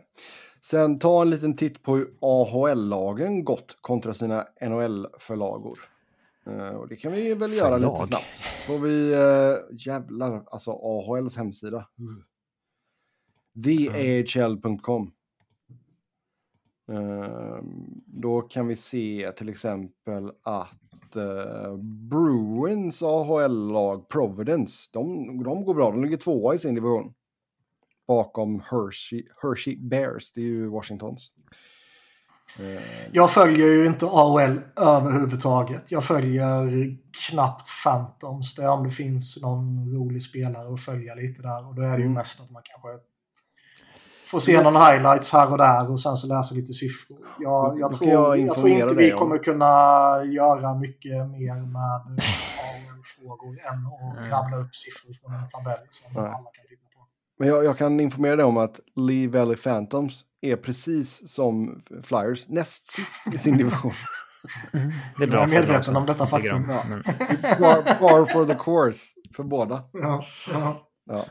Nej men, Men- alltså det, är- det är ju vissa lag, alltså Toronto Marlies toppar sin division, Texas Stars toppar sin division. Eh, lite intressant, Coachella Valley Firebirds, de är ju nya, det är ju Seattles. De ligger tvåa i sin. Calgary toppar. Coachella. Mm, Coachella. Vad är det för jävla hittepånamn? Ligger i Kalifornien, eh, de har en väldigt populär musikfestival varje år. Ehm, något som är noterbart, men det har ändå pågått ett, eh, ett tag nu, att ehm, Tampas AHL-lag är ju ej längre liksom den dominerande faktorn i AHL. Mm. För de producerade ju spelare utav helvetet i Tampa ett tag. Oh ja. Men de är. Regions fan varenda uh, Ja. ju. Ja. Men det, det har de ju inte längre. Nej. Det är en rolig divisionsindelning också. Du har tio lag i Pacific. Mm. 10, 7, 7, 8. De är väl mån om travel schedule här va? Oh ja. Ja, alltså, alltså Pacific Division-lagen ligger ju, ja, förutom Calgary eh, och kanske Abbotsford så ligger de ju ganska nära varandra får man ju säga ändå. Eh, mm. Par for the course också, Anaheim och deras uh, filial ligger sist. Eh, så, ja. Men som sagt, vi, eh, det var länge sedan jag kollade på en AHL-match kan jag säga. Ja. Det går ju inte, typ inte att följa på samma... Alltså så här, det, det är ju lättare att följa Hockeyallsvenskan Ja, än det att Alltså följa de har AHL. AHL-TV, men liksom... Ja, men det, det är ju liksom riktiga sändningar till Hockeyallsvenskan. Eh, Bara det här skiten också att man kan inte följa istiden i AHL. Liksom. Ja, men vad... det ska vara Ja, någon jävla industrihemlighet typ. ja. Eh, det går ju att få fram om man har kontakter, så att säga. Men det... det ja. Det vore jäkligt coolt om den typen av analytics som fanns kring NHL fanns kring AHL. Då hade man ju verkligen kunnat leta fynd där på ett sätt som är eh, mycket intressant, så att säga. Det var en Taves var en AHL-back i flera år. Som liksom inte... Eh, Och Brandon Manning också. Han var skitbra AHL-back. Mm. Ja, men liksom det, det, det finns nog många, framförallt sådana där försvarsspelare, som kan vara dolda hemligheter där nere. Eh, Mm. Tror jag. Han gjorde ju två hela säsonger i AHL, sen en halv säsong så var han uppkallad till Islanders och sen eh, eh, ja, fortfarande något av lite analytics hemlighet i Islanders då. Eh, så att, eh, det, det, det finns ju. Så att säga. Yes, sen är Anaheim det sämsta laget på många år. Ah, Kanske det sämsta laget detta året. Nej, det är det sämsta Anaheim-laget på många år. ja. Det, det är det. Men nej. Framförallt så har de ju lite underhållande spelare fortfarande. De har ju, alltså de är ju ett, visst de är ju ett jävla pissläge rent tabellmässigt. Men de är ju i det läget med en ny generation på, på ingång liksom. Då finns det ju ändå lite förmildrande omständigheter jämfört med vissa andra lag som, som ligger här nere på grund av liksom misskötsel eller på grund av att man har en eh, utdöende generation. Typ. Så Anaheim är ju på väg uppåt i alla fall. Ja, alltså det finns ju saker att vara positiv kring där. Ja. Sen alltså... Sen är det väl inga garantier. Travis Seegers är 21 år och jättespännande, men det kommer ju krävas mer. Eh...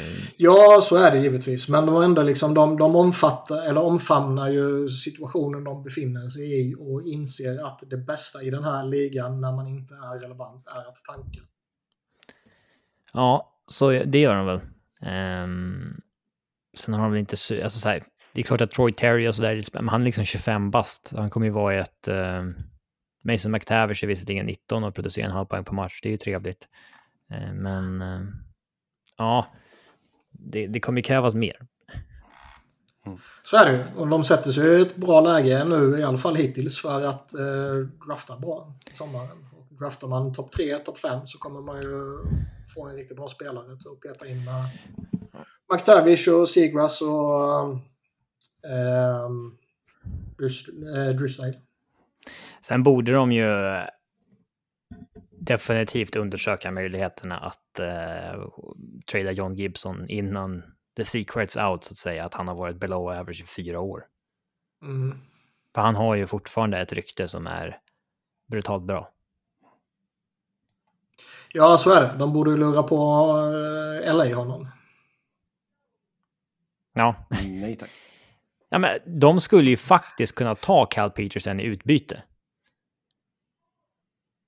Skulle du göra den tror Om de får betalt. Alltså, då skulle gärna hem ha betalt för det såklart. Ja. Eh, men de skulle ju kunna göra den moven.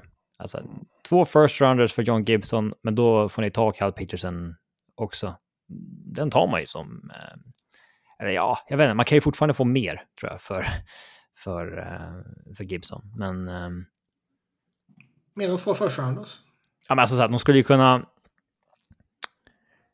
De skulle ju kunna skeppa Gibson själv för en first rounder och en second rounder och sen få en first rounder av Kings bara för att ta Cal Peterson.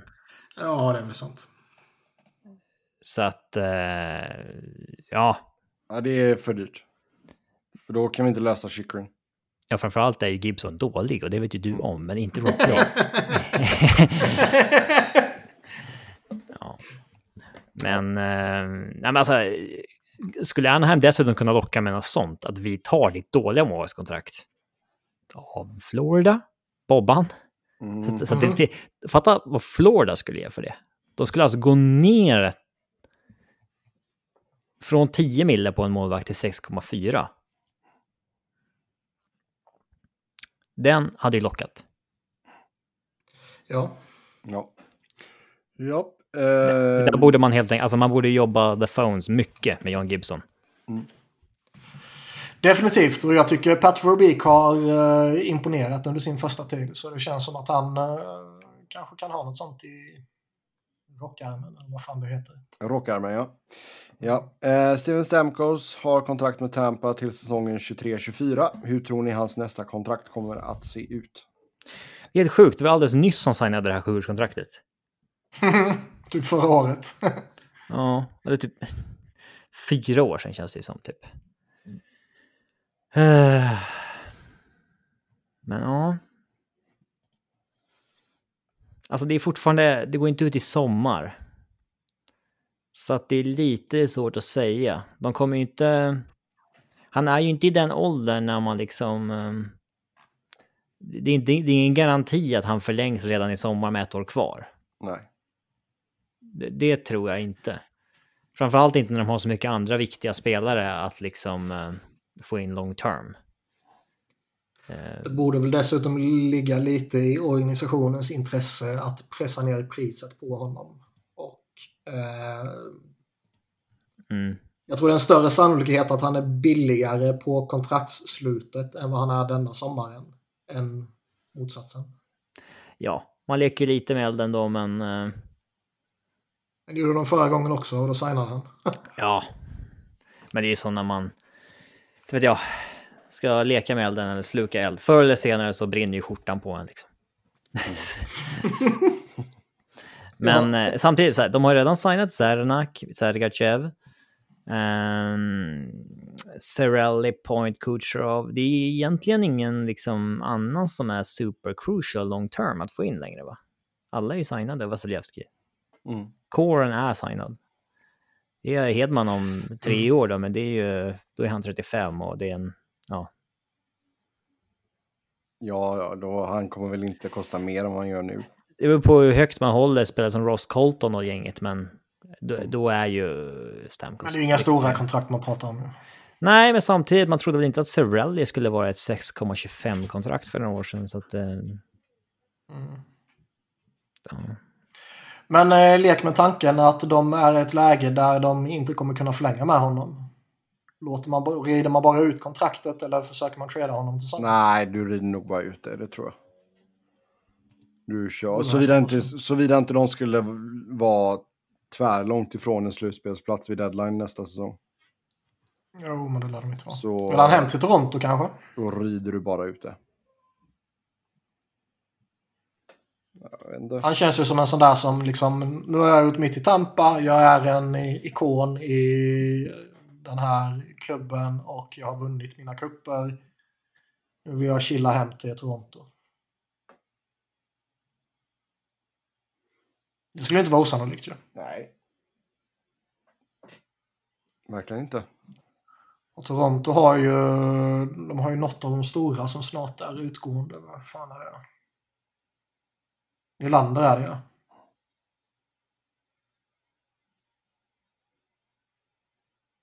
Matthews också för den delen, men Matthews kommer man ju rimligtvis lösa. Ja, vad var det snack om 15 miljoner där? Ja, men fan det pröjsar man ju för honom. Jag menar, pröjsar man det för honom och sen har du Marner som är ju svinigt bra nu liksom.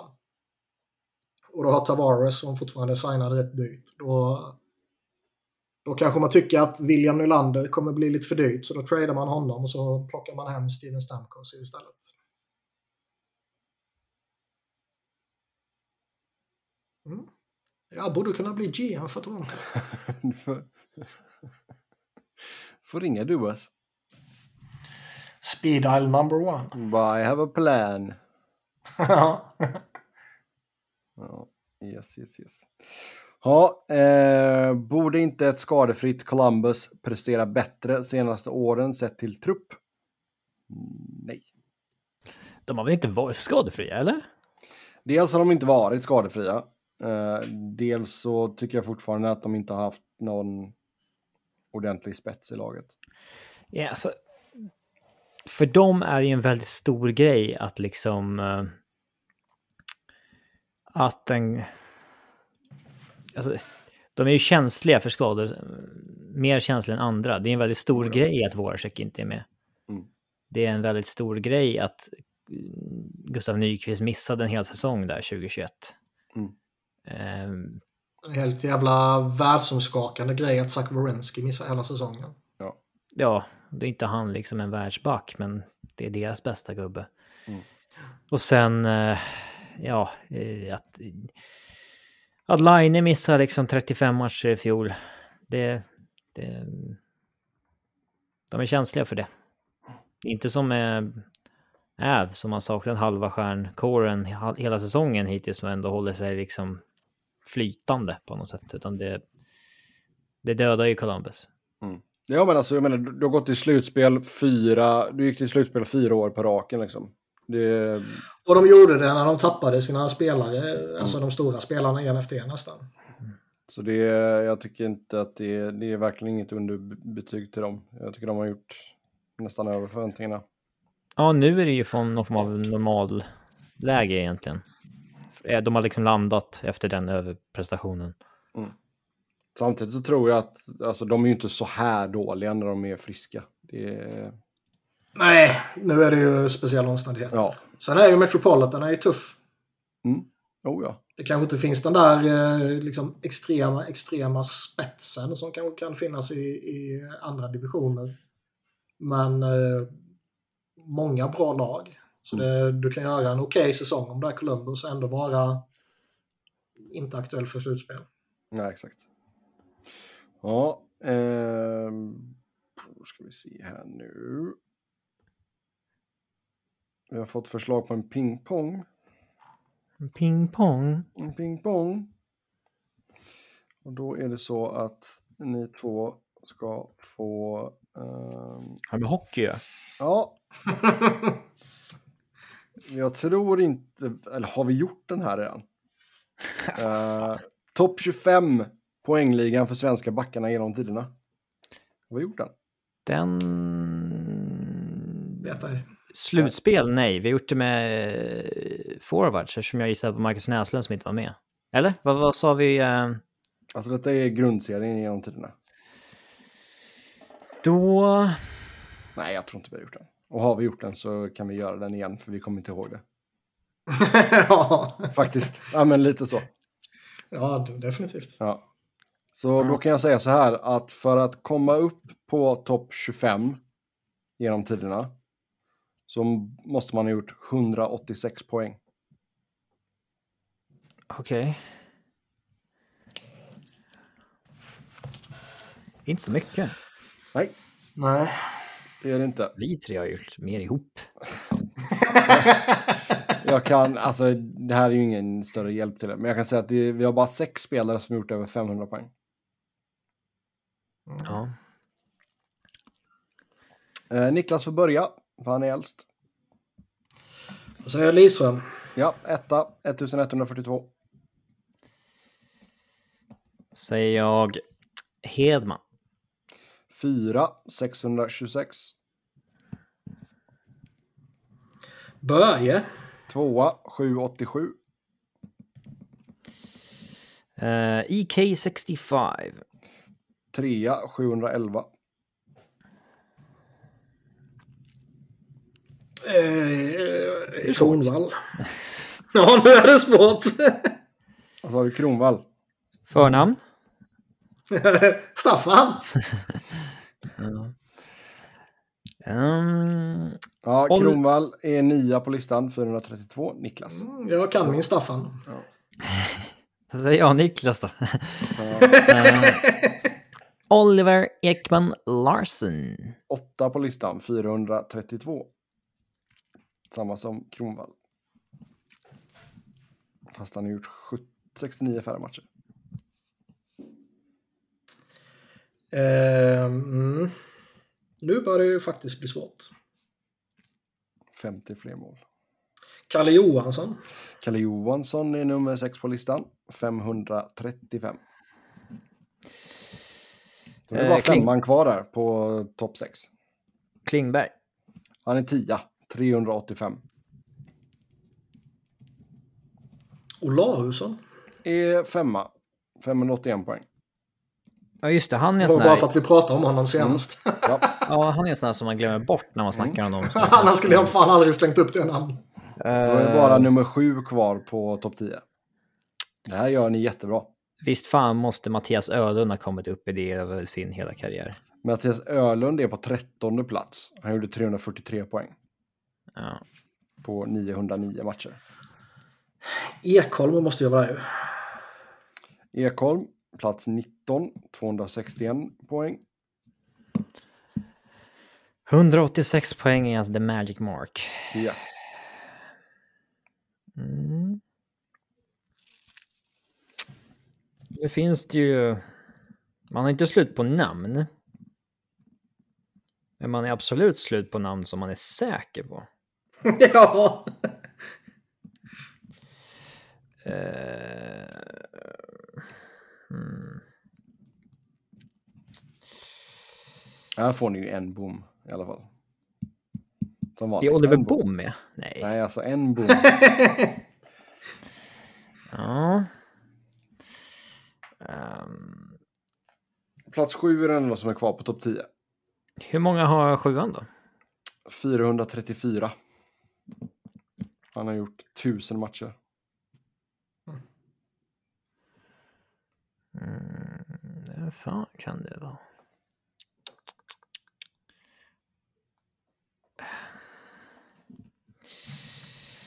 Jag säger...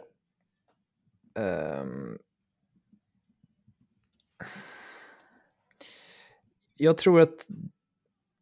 Ha, fan alltså. Fan, det är ju... Jag inser liksom att de namnen jag har kvar nu, jag tror liksom att alla har under 186 poäng. Mm, Ja, det är ju lite jobbigt. Mm.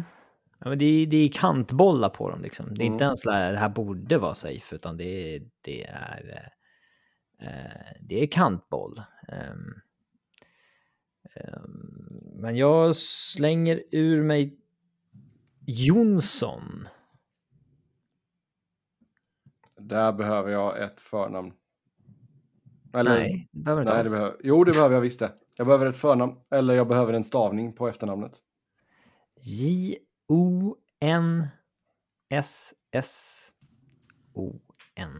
Okej, då är det Thomas Jonsson Islanders. på tolfte plats, 344 poäng.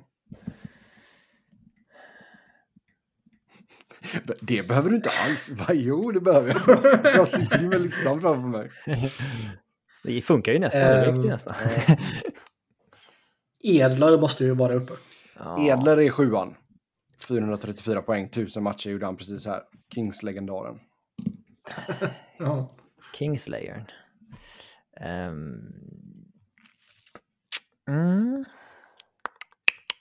Då har vi Ska plats sitta- 11, 14, 15, 16, 17, 18, 20, 21, 22, 23, 24, 25 kvar.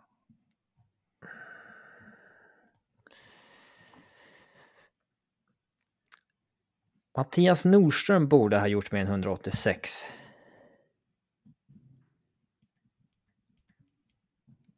Är det ditt slutgiltiga svar? Ja. Fel. Fan, jag skulle ju vikt mig när du säger sådär, men det blir, det blir, det är fusk att vika sig när du börjar... Man vet ju att det är fel. Ja. Nu. Jag kommer säga det när det är någon som är med på listan också. Vänta bara. Nej, aldrig gjort. Han gjorde 165 poäng. Han är 32 på listan. Så du får... Hur många matcher gjorde han? 903. Mm. Så ja. Du får gissa igen. Jaha, är det han igen? Mm. Just det, det där är ju Sebbe infört nu senaste åren. Mm.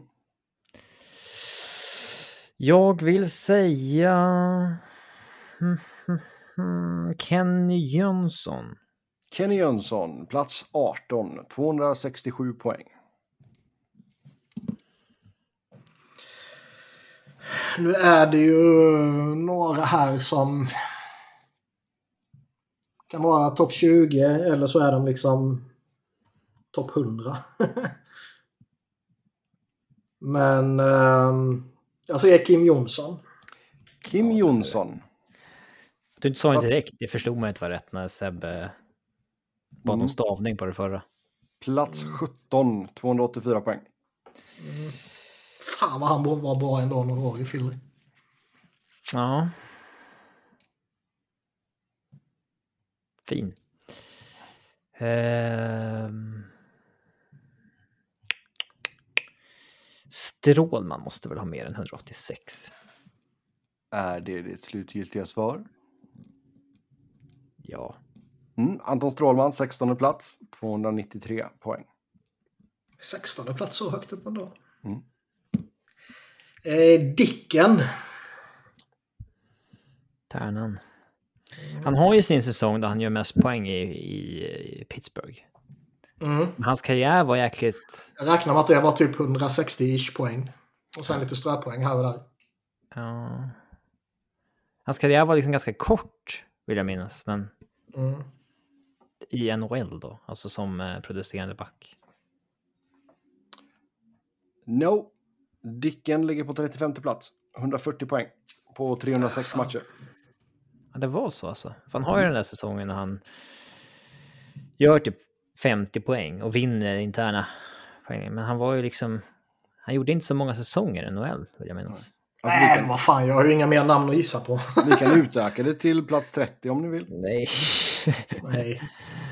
Eh, Det är Niklas igen. Ja, just det. Vi har, får jag säga hur många aktiva spelare som är kvar? Ah, Hur många spelare är kvar till att börja med?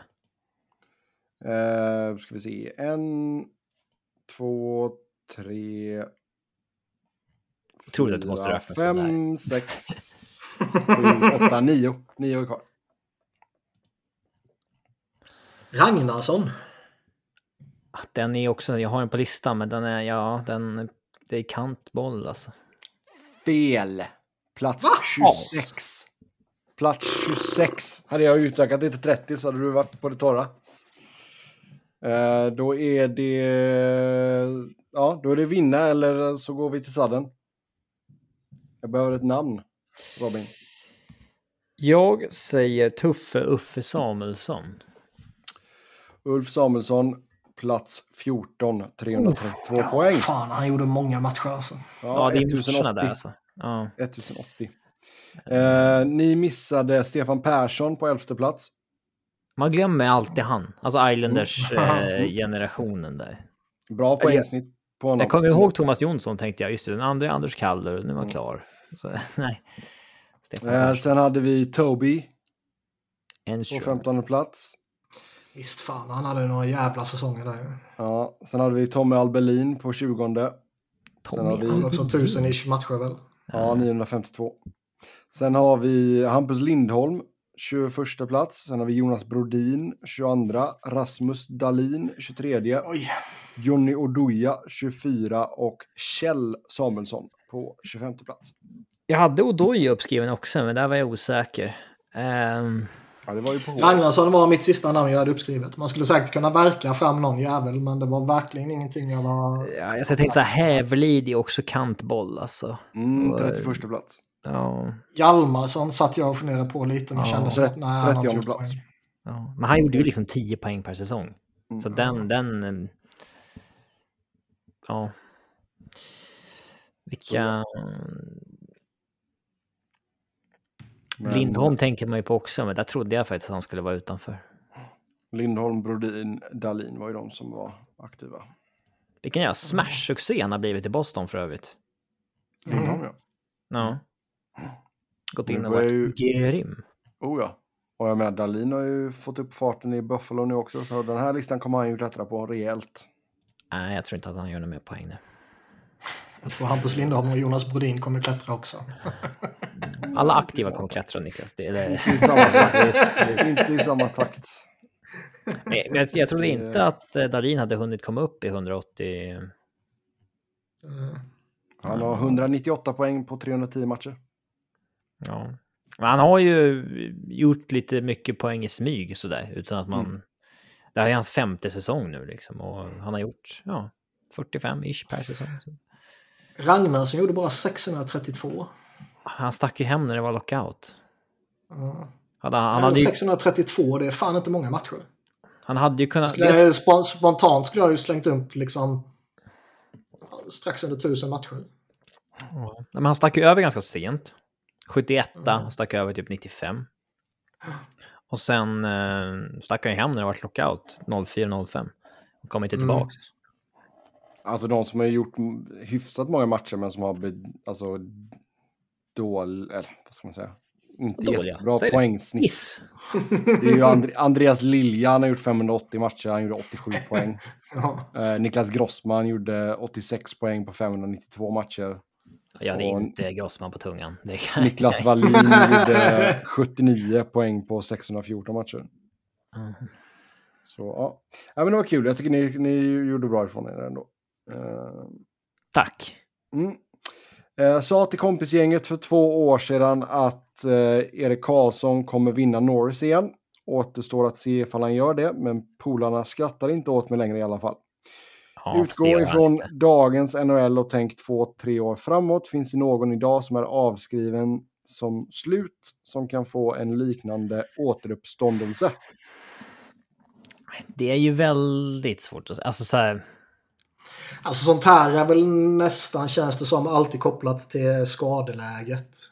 ja, Erik Karlsson är väl kanske typ frisk, eller i alla fall så nära frisk han kan bli nu på, på rätt många år. Och liksom, tidigare såg vi Claude Giroux ha en jävla bounceback efter att han hade haft ett par säsongen med lite skadeproblem.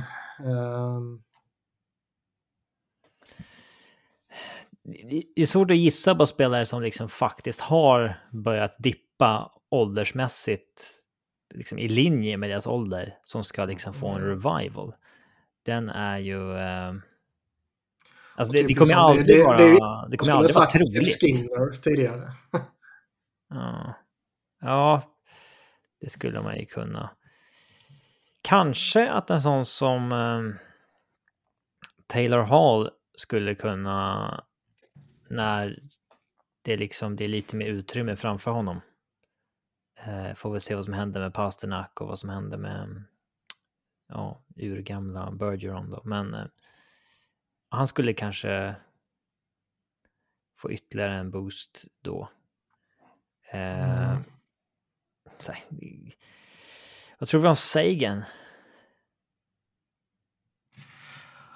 Alltså han, hela hans kropp är ju skadad. Eller har varit skadad. Ja, men nu, nu spelar han ju och... Alltså... Ja. Han är ju en kandidat till en Erik Karlsson eh, revival. Ja. Ja, det skulle han ju kunna vara. Men det känns avlägset alltså. Mm. Eh, Ja.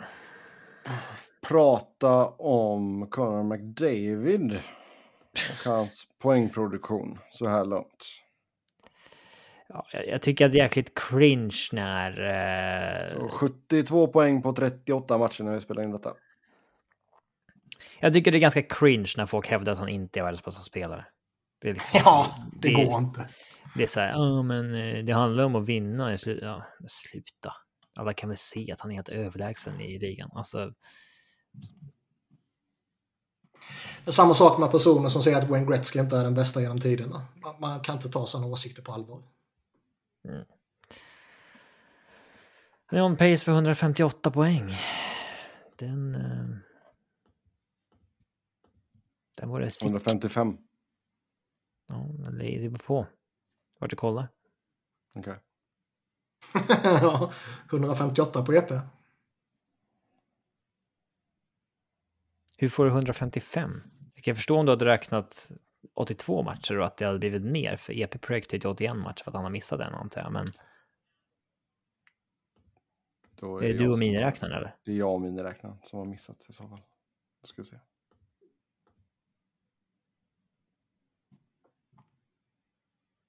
Vad fan. Kul om det visar sig att EPs hela projektformen har fel. Alltså, jag, nej, men vadå, tar jag, om man ska spela 81 matcher. Alltså, du bara förklara detta för mig i mitt huvud, för som sagt, jag är värdelös när det kommer till matte. Men 1,89 gånger 81 då, eller hur? Ja, det beror på var du fick 1,89 ifrån. Point per game. 72 delat på 37, det är 1,94 ska du gå på. Då. Han har gjort 38 matcher. Det står 37 på EP. Spelas en match just nu eller? Som precis är klar. Oh, fan Fan, vad spännande det här. Alltså. Nej, de har inte spelat idag. Vart får du 38 ifrån då, Stebbe? Ja, det står 38 på nhl.com. 37 på EP, okej. Då kanske EP 72 ligger poäng på efter båda. med... Ja, men båda har 72 poäng. 32 plus 40. Ja, han gjorde inga poäng igår. Den matchen är väl inte med på EP helt enkelt än. Nej. Fast samtidigt så är den med i hans gameblog här. Fast den är med i gameloggen. Okej. Då är frågan Elite Prospects eller NHL.com? Alltså, jag litar inte på mig själv med miniräknaren. Så... Nej, men om det står... Eh, Kommer han Skulle- göra... Han har ett poängsnitt på 1,89 står det på NHL.com i alla fall. Och det är ju baserat på 38 matcher då. som han eventuellt har 1,95 spelat. Ja, ja, skitsamma. Han kommer göra en jävla massa poäng i alla fall. Ehm. Nej, alltså han är ju... Men han är, han är on pace för 160-ish. Som är liksom Steve Eisenman-notisen. Nej, alltså utan... Utan... Det är ingen diskussion. Ge han Hart nu. Nej, det är ju inget snack om att han är den överlägset bästa, som vi sa. Det, så är det ju. Ge han hårt. Men eh, nej, det... Man förväntar sig ju nästan alltid att spelare som sätter en jävla fart under säsongsinledningen kommer dippa av. För det gör de alltid ju längre säsongen pågår. Men det känns som att han skulle kunna hålla upp det här i hela vägen in. Oh, ja. Ja, men sen tar vi det inte lite för givet. Alltså, borde vi inte se till att njuta av detta? Jo, njut hur mycket du vill. Alltså, han är väl hypad som han är. Det är väl vissa... Vissa äldre spelare som... eh, Jag kan tycka att Crosby tas lite för givet fortfarande. Han ja, där borde levererar vi liksom... också se till att, njuta. kommer bli så skönt när han slutar. Han ligger liksom stadigt över point per game fortfarande. Och är 35 bast och det... Det bara förväntas liksom. Och det... Han visar inget decline. Det är helt otroligt liksom. Det... Ja. Ja. Eh, ska vi se. Är det inte sjukt att Brendan Gallagher bara är 30 år gammal? Känns som att han har varit med i en evighet. Har ni några fler liknande exempel? Unga spelare som känns som att de borde vara mycket äldre än vad de är. Eh, spelare som borde vara äldre än de är. Alltså jag, jag tycker eh, Gallagher... Jag tycker inte tror att han, han- känns jag- som någon har varit med jättelänge. Nej, jag skulle säga typ han känns som han är 26 eller någonting. För han minns ju när han kom upp liksom. Mm, vad fan kan det finnas mer någon sån? eh, Det börjar bli mer tvärtom tycker jag. Att spelare har hunnit bli mycket äldre än man tror. Ja. Men det är det jag menar lite med honom och Gallagher. Han är en sån ju. Mm. Det är sällan det är tvärtom tycker jag. Att en spelare borde ha hunnit bli äldre men är yngre. Mm. Om man... eh, Kan man ranka efter age på uh, NHL.com? Nej. Date of birth kan du. Då får du byta någon eh, kategori. Bioinfo. Bioinfo. Bioinfo. Date of birth. Mark Giordano är Under äldst. statistik då, eller vadå? Under Report. Jaha, okej. Du... Bioinfo. Date of birth. Their birth. Day of birth. Giordano är äldst. Sen kommer Pavelski. Per, och Det är fan sjukt liksom. Man är, man är själv 85 och nu är liksom 85 bland de äldsta i ligan. Relikerna. Ja. Ja. Är det någon av de här liksom 83-85erna som man känner borde vara lite yngre? Stasny, Ovechkin, Goligoski, Bergeron, Perry. Nej, det är ju spelare som har varit med hela ens ja. NHL-liv i princip. Alltså så här när man har Mm. bevakat det som man gör. 86erna... Mm. Nej, inte där heller. Ehm, Ja, men där kan jag väl ändå så känna att man liksom bara, ha fan i Strålman, 86 jag tror det känns som att han är äldre än vad jag är. Nu är det bara ett år som skiljer oss. Men det är i relation till din egen ålder, inte vad Ja. du tycker att han borde vara. Pat Maroon är fan en av ligans äldsta spelare. Den 46 äldsta spelaren. Mm. Det känns han ju verkligen inte som han är. Nej, för att han kom upp sent. Mm. Mm. Annars så nej.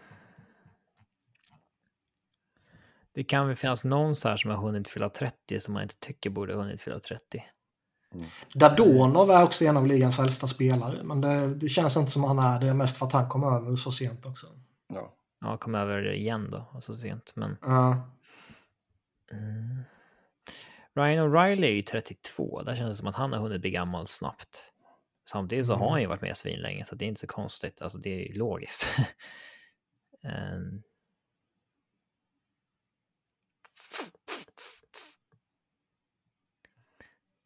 Det är... Mm. Mm. Kanske Tyson Berry som också fyller 32 i sommar. Men ja, han såg ju jag komma fram i Äv som ung och ja, det... Panarin är 150 äldsta spelaren. Ja, det kanske är de där alltså som... Han, vann- han vann ju, vad heter det, College Trophy som 30-åring typ. Kanske att Nino Niederreiter hunnit bli 30. Ja. Kalle Järnkrok. 145 äldsta. Ja, det är mer de här alltså, om man liksom kommer ihåg spela JVM som nu är över 30. Typ Kuznetsov. Mm. Eh, där kommer ju Gallagher. Ja. Men den tycker jag ändå känns rimlig. Jag, jag vet inte. Granlund är en veteran också. Han var också en JVM-stjärna som man liksom minns. Mm. Eh, eh, det finns många 30-åringar i ligan alltså. Det gör, det gör det. Fyller 30 i år, gör Nugent Hopkins, Zibanejad, Huberdo, Toggy Hamilton, Kucherov. Ja, det är, det är logiskt, de har ju varit med i tio år. Liksom.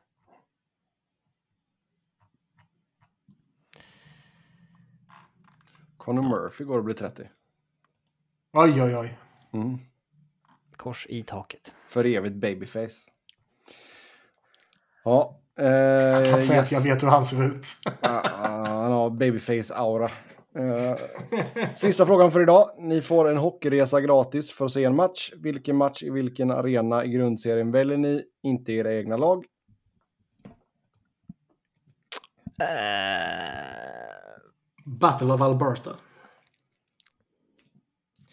En, en, sån, en sån match där det verkligen står någonting på spel eller det är någonting som har gjort att det är jävligt hetsigt. Tror jag skulle vara, det skulle vara mäktigt att uppleva oavsett vilken arena.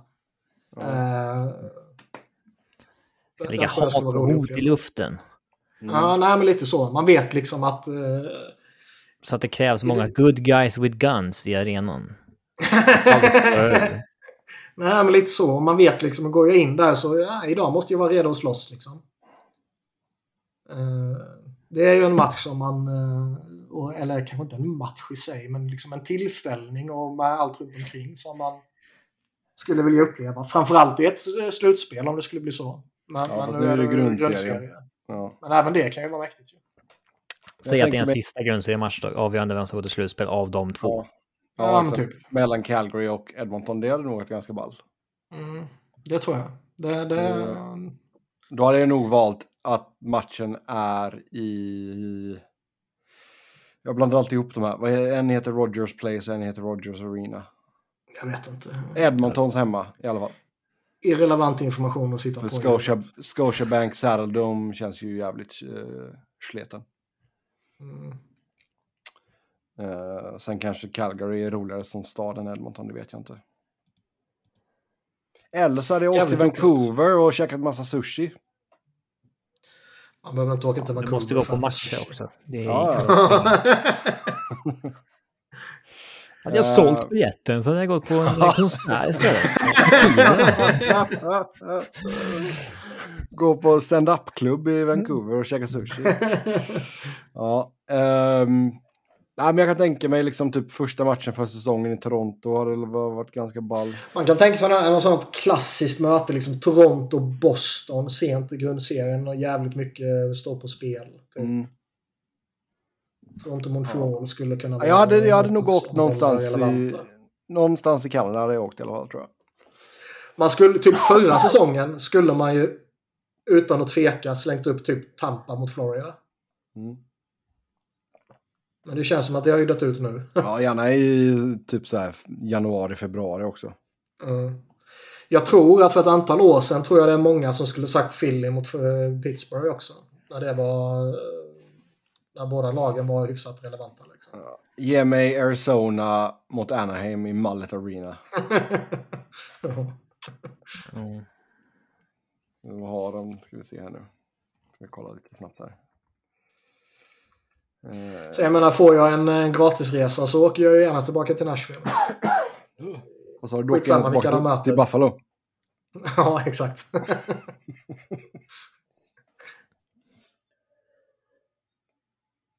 Enkel biljett till Buffalo. ja. ja. Det är bara att åka till USA. Sen i USA får man ju tag i skjutvapen enkelt. Så det är bara att Rikta den mot huvudet. Niklas bara träffar sin sån här drömkvinna. Så hon bara, I'm from Buffalo. Niklas bara, no! Nej, det är inte aktuellt. ja, japp. Uh, nej, men fan, någonstans i Kanada. Men ge, ja, men ge mig den. Edmonton, uh, Calgary, allt står på spel i Edmonton. För det känns ju lite, i, i den här diskussionen så har det ju egentligen ingenting att göra med att det är liksom två bra lag som möts, utan man vill ju ha stämningen i arenan i så fall. Mm. Popcornen ska flyga. Nej, popcorn är ju, det ger ju ingen smärta. Det ska, vara liksom, det ska ju vara dodgeball där de kastar skiftnycklar för att testa smattnivå typ. Liksom. Eller förmågan att dodga.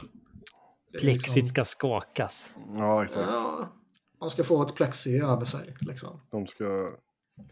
Det är faktiskt på bucketlisten, att få ett plexi på sig när man sitter på rad 1. ja. Att en spelare kommer ut i Ja, så är det. Men jag skulle ju inte... Gärna så att man alltså... uppskurad av skridsko också, så att man får lite tension. De får lite, lite tv-minuter.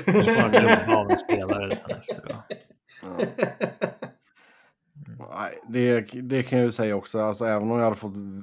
Jag hade ju inte velat sitta på första raden. Det är ju inte bra. Nej. Nej. Det... Nej, det hade man alltså, jag, jag hade väl velat prova det en gång intressant. Man skulle, man skulle vilja få ett, ja, man skulle vilja få ett plexi över sig och sen kan man stämma skiten ur ligan och laget. Liksom. Mm. Janne går ut och säger Batman är personligen ansvarig för ja. det här.